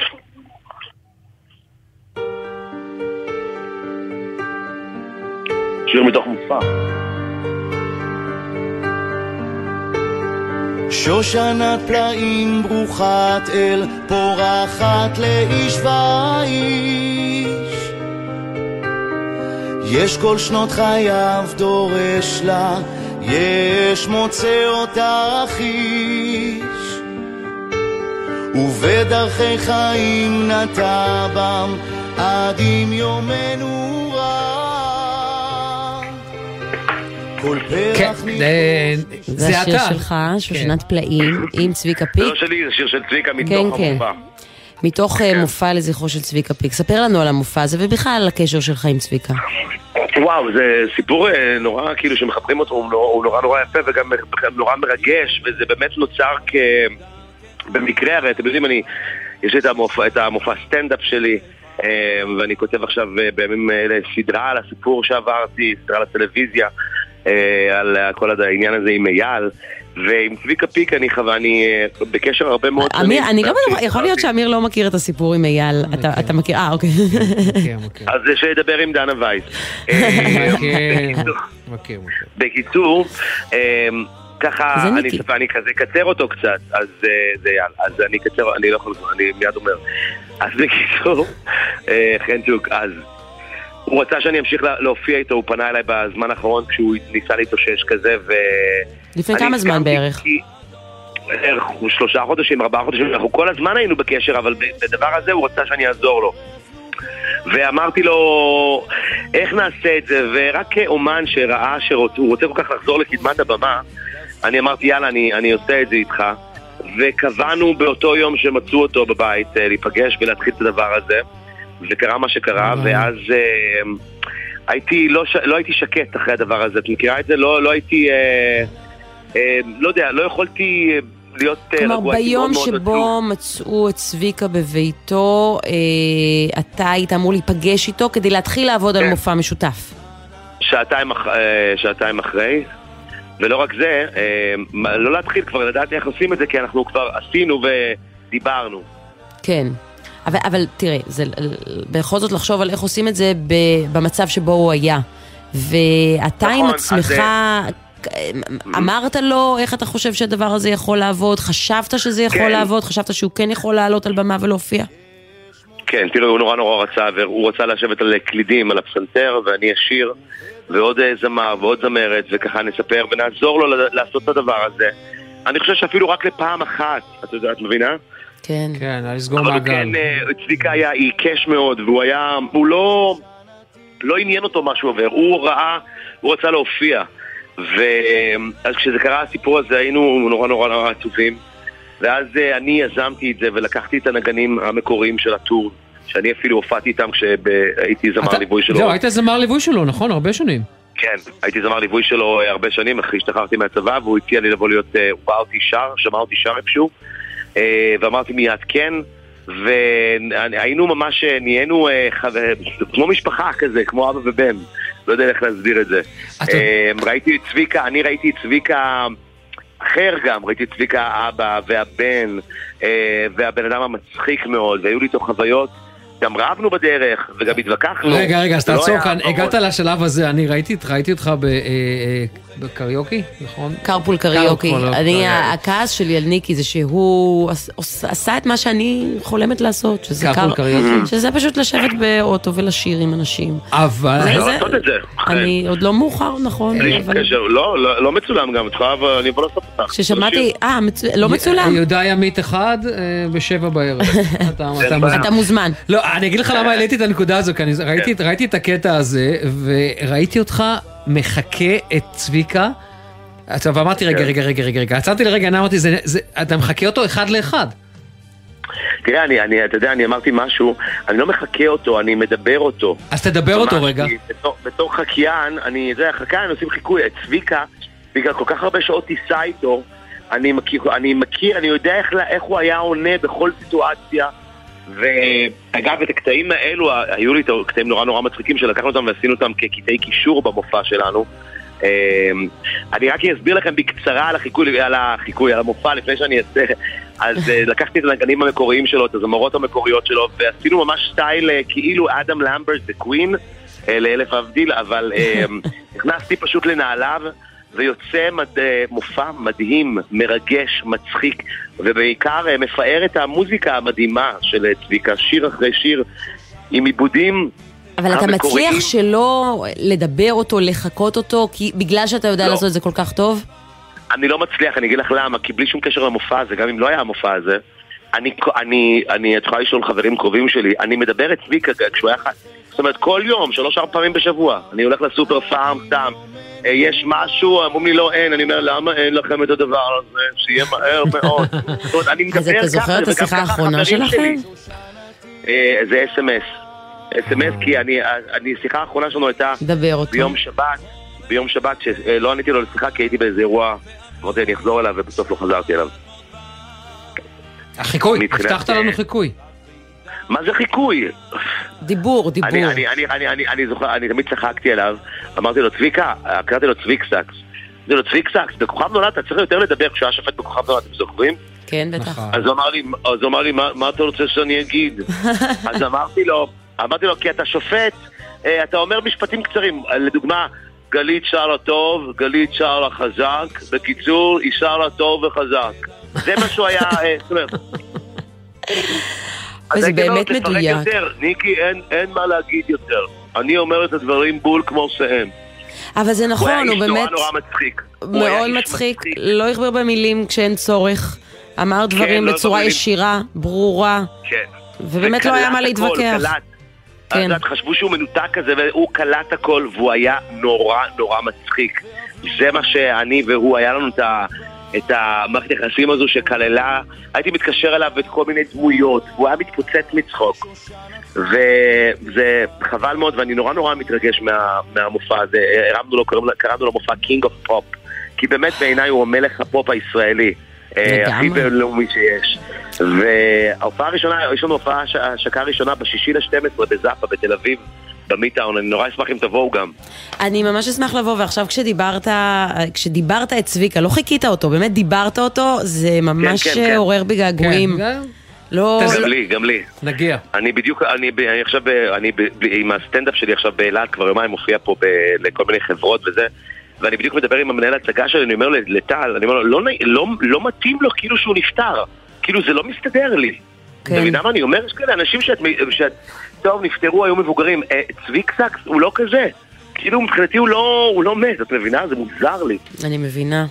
טוב, ניקי, תודה רבה. ניקי, תודה, בהצלחה. תודה, ותבואו למופע, תבואו אה, אה, באמת לראות את המופע. המהמם הזה. נגיע. שבאמת קבענו. מקדש את המוזיקה ביחד. המהממת שלו. קבע- קבענו, אנחנו זה נגיע. יהיה גיבושון מחוץ לשידור, בשבילי ובשביל. אמיר. יאללה, בואו. תודה, ואני אאסוף ניקי. אותך לפני זה ונשיר. אה, כן, קריוקי בדרך. אין בעיה. שישי לדצמבר, זאפה תל אביב, תודה. מעולה. תודה, תודה, ניקי. בהצלחה. טוב, אמיר, אתמול, אה, תשמע את הסיפור הזה. אתמול קבע בית המשפט העליון שהבן של ראש הממשלה המיועד, יאיר נתניהו, ייאלץ לשלם רבע מיליון שקלים לעורך וואל לשעבר, אבי אלקלעי, אה, ולפני זמן קצר ראש הממשלה המיועד נתניהו תקף את ההחלטה הזאת של בית המשפט העליון, ואמר שמדובר בעוול נוראי ומנוגד לחוק, בשביל זה אולי תהיה פסקת ההתגברות. עכשיו מצטרף אלינו כתבנו לענייני משפט, אביתר ברון. שלום אביתר. כן, שלום, שלום אמיר, שלום חן. אה, רק אה, תזכיר בעצם, לנו אה, על מה התביעה קודם כל, אה, ולמה אבי אלקלעי, אה, כלומר למה אבי אלקלעי אה, תובע, מה יאיר כן, נתניהו אז- כתב עליו? אז אה, אבי אלקלעי, עורך וואלה לשעבר, אה, וגם עד אה, בתיק אה, 4000 במשפט נגד בנימין נתניהו, אה, תבע בשנת... אה, אה, על דברים שנתניהו כתב ב-2019, נתניהו אה, הבן שיתף בחשבון הפייסבוק שלו כל מיני אה, אמירות שנת- שאלקלעי הוא אה, סוכן של קרן וקסנר ושהוא תפר אה, אה, תיקים נגד אביו אה, וכל מיני אה, דברים אה, כאלה ואחרים. אבי אלקלעי תובע אותו אה, תביעת אה, דיבה. ו- אה, מה טענת ההגנה שלו? כי הוא לא דיבר אמת, אז מה טענת ההגנה?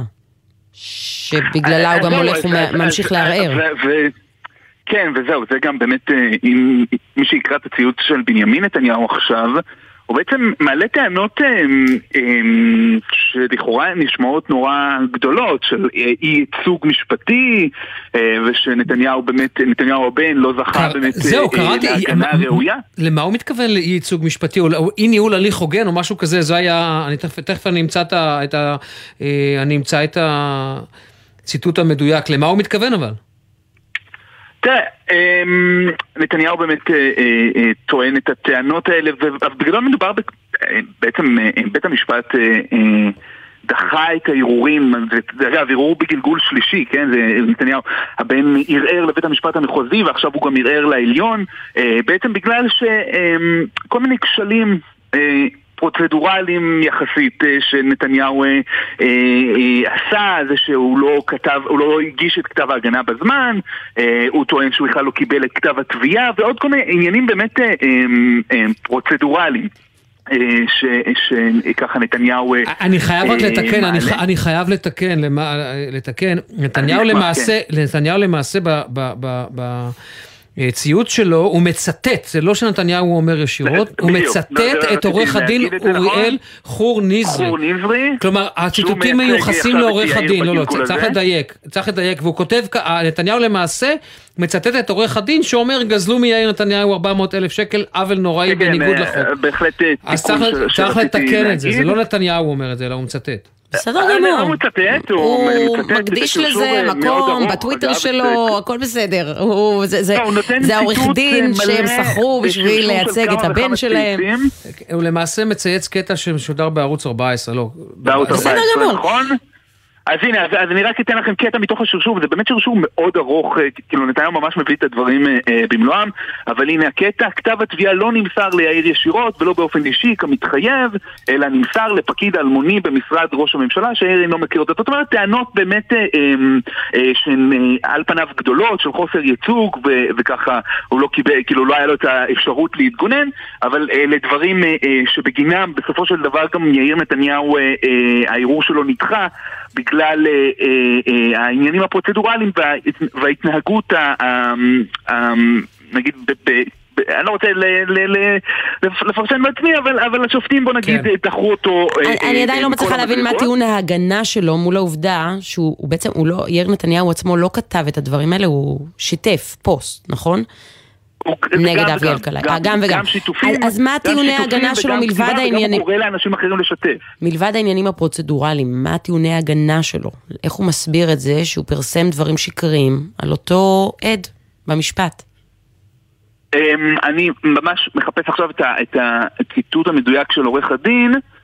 אמ, אבל... אני אקריא לו, לא, לא, העורך הדין אומר אה, עוול נוראי בניגוד לחוק, אבל בוא, אנחנו נעצור כאן, רק מה השאלה קצת, אם אתה יכול לא, לענות לנו... אם מצאתי את זה אגב, אמיר. בקצרה, רק תענה לנו בקצרה. פסק הדין הוא חלוט? הוא אומר שהוא עשה בסך הכל שייר בפייסבוק. פסק הדין חלוט, כן. גם אגב, הציוט, השרשור הזה של נתניהו לא יעזור אה, אה, לבנו. יאיר נתניהו, ככל הנראה, ישלם לאבי אלקלעי סכום של כ-300 אלף שקלים. אמ, אני מניחה שלא אה, בקרוב, כי זה עוד ינסו למרוח את זה. סוף מעשה במחשבה תחילה. אביתר ברון, תודה רבה, וקצת המלצות לסוף השבוע. שלום מאזינות ומאזינים, כאן מאור כהן, וההמלצות שלי לסוף שבוע, דבר ראשון הופעה של מוניקה סקס בזאפה חיפה, הופעה מדהימה עם שירים מכל התקופות, ממכה אפורה עד הכל שמבפנים. כיף חיים, הם גם חברים שלי, אז אני, בכלל אני אשמח אם תלכו לראות. אם זה קצת צפוני לכם, תבררו מה יש בזאפה הרצליה.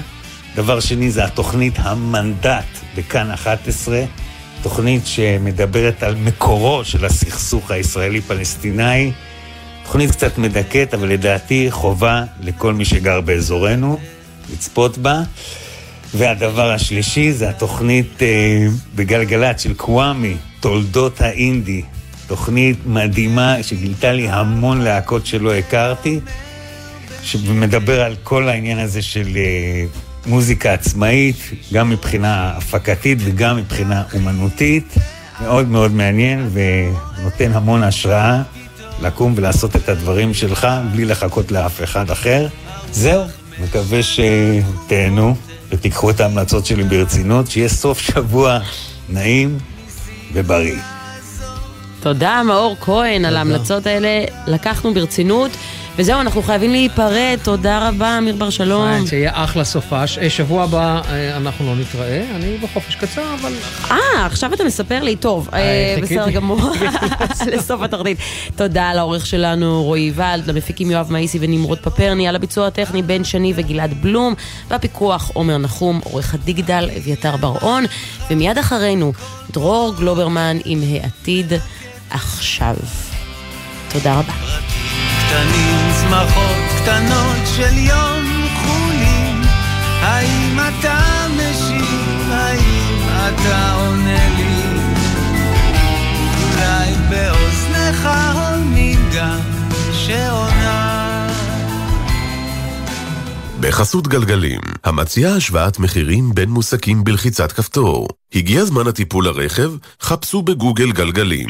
בחסות מחסני חשמל, המציעה מבצעים על מגוון מותגי הטלוויזיה לרגל גביע העולם, המונדיאל. גביע העולם, מונדיאל, ברשת מחסני חשמל.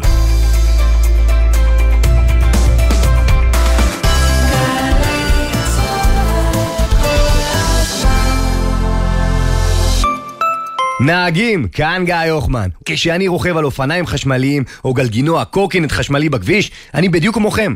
רק בלי עטיפה של הרכב שמגינה עליכם. אה, וגם בלי חגורת הבטיחות, ובלי ארבעה גלגלים ששומרים על היציבות, ובלי כריות אוויר, ומזגן, וחלונות, ותא כפפות, ולמה קוראים לזה תא כפפות? מישהו פעם באמת אחסן שם כפפות? טוב, לא חשוב.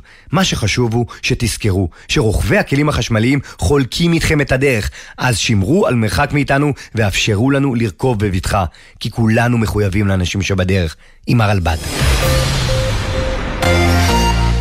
שישי בשש, סוף סוף קצת שקט. אפשר לשמוע ציוץ של ציפור, רשרוש של עיתון, נחירות של שנץ, אבל כדאי לשמוע את שש בשישי.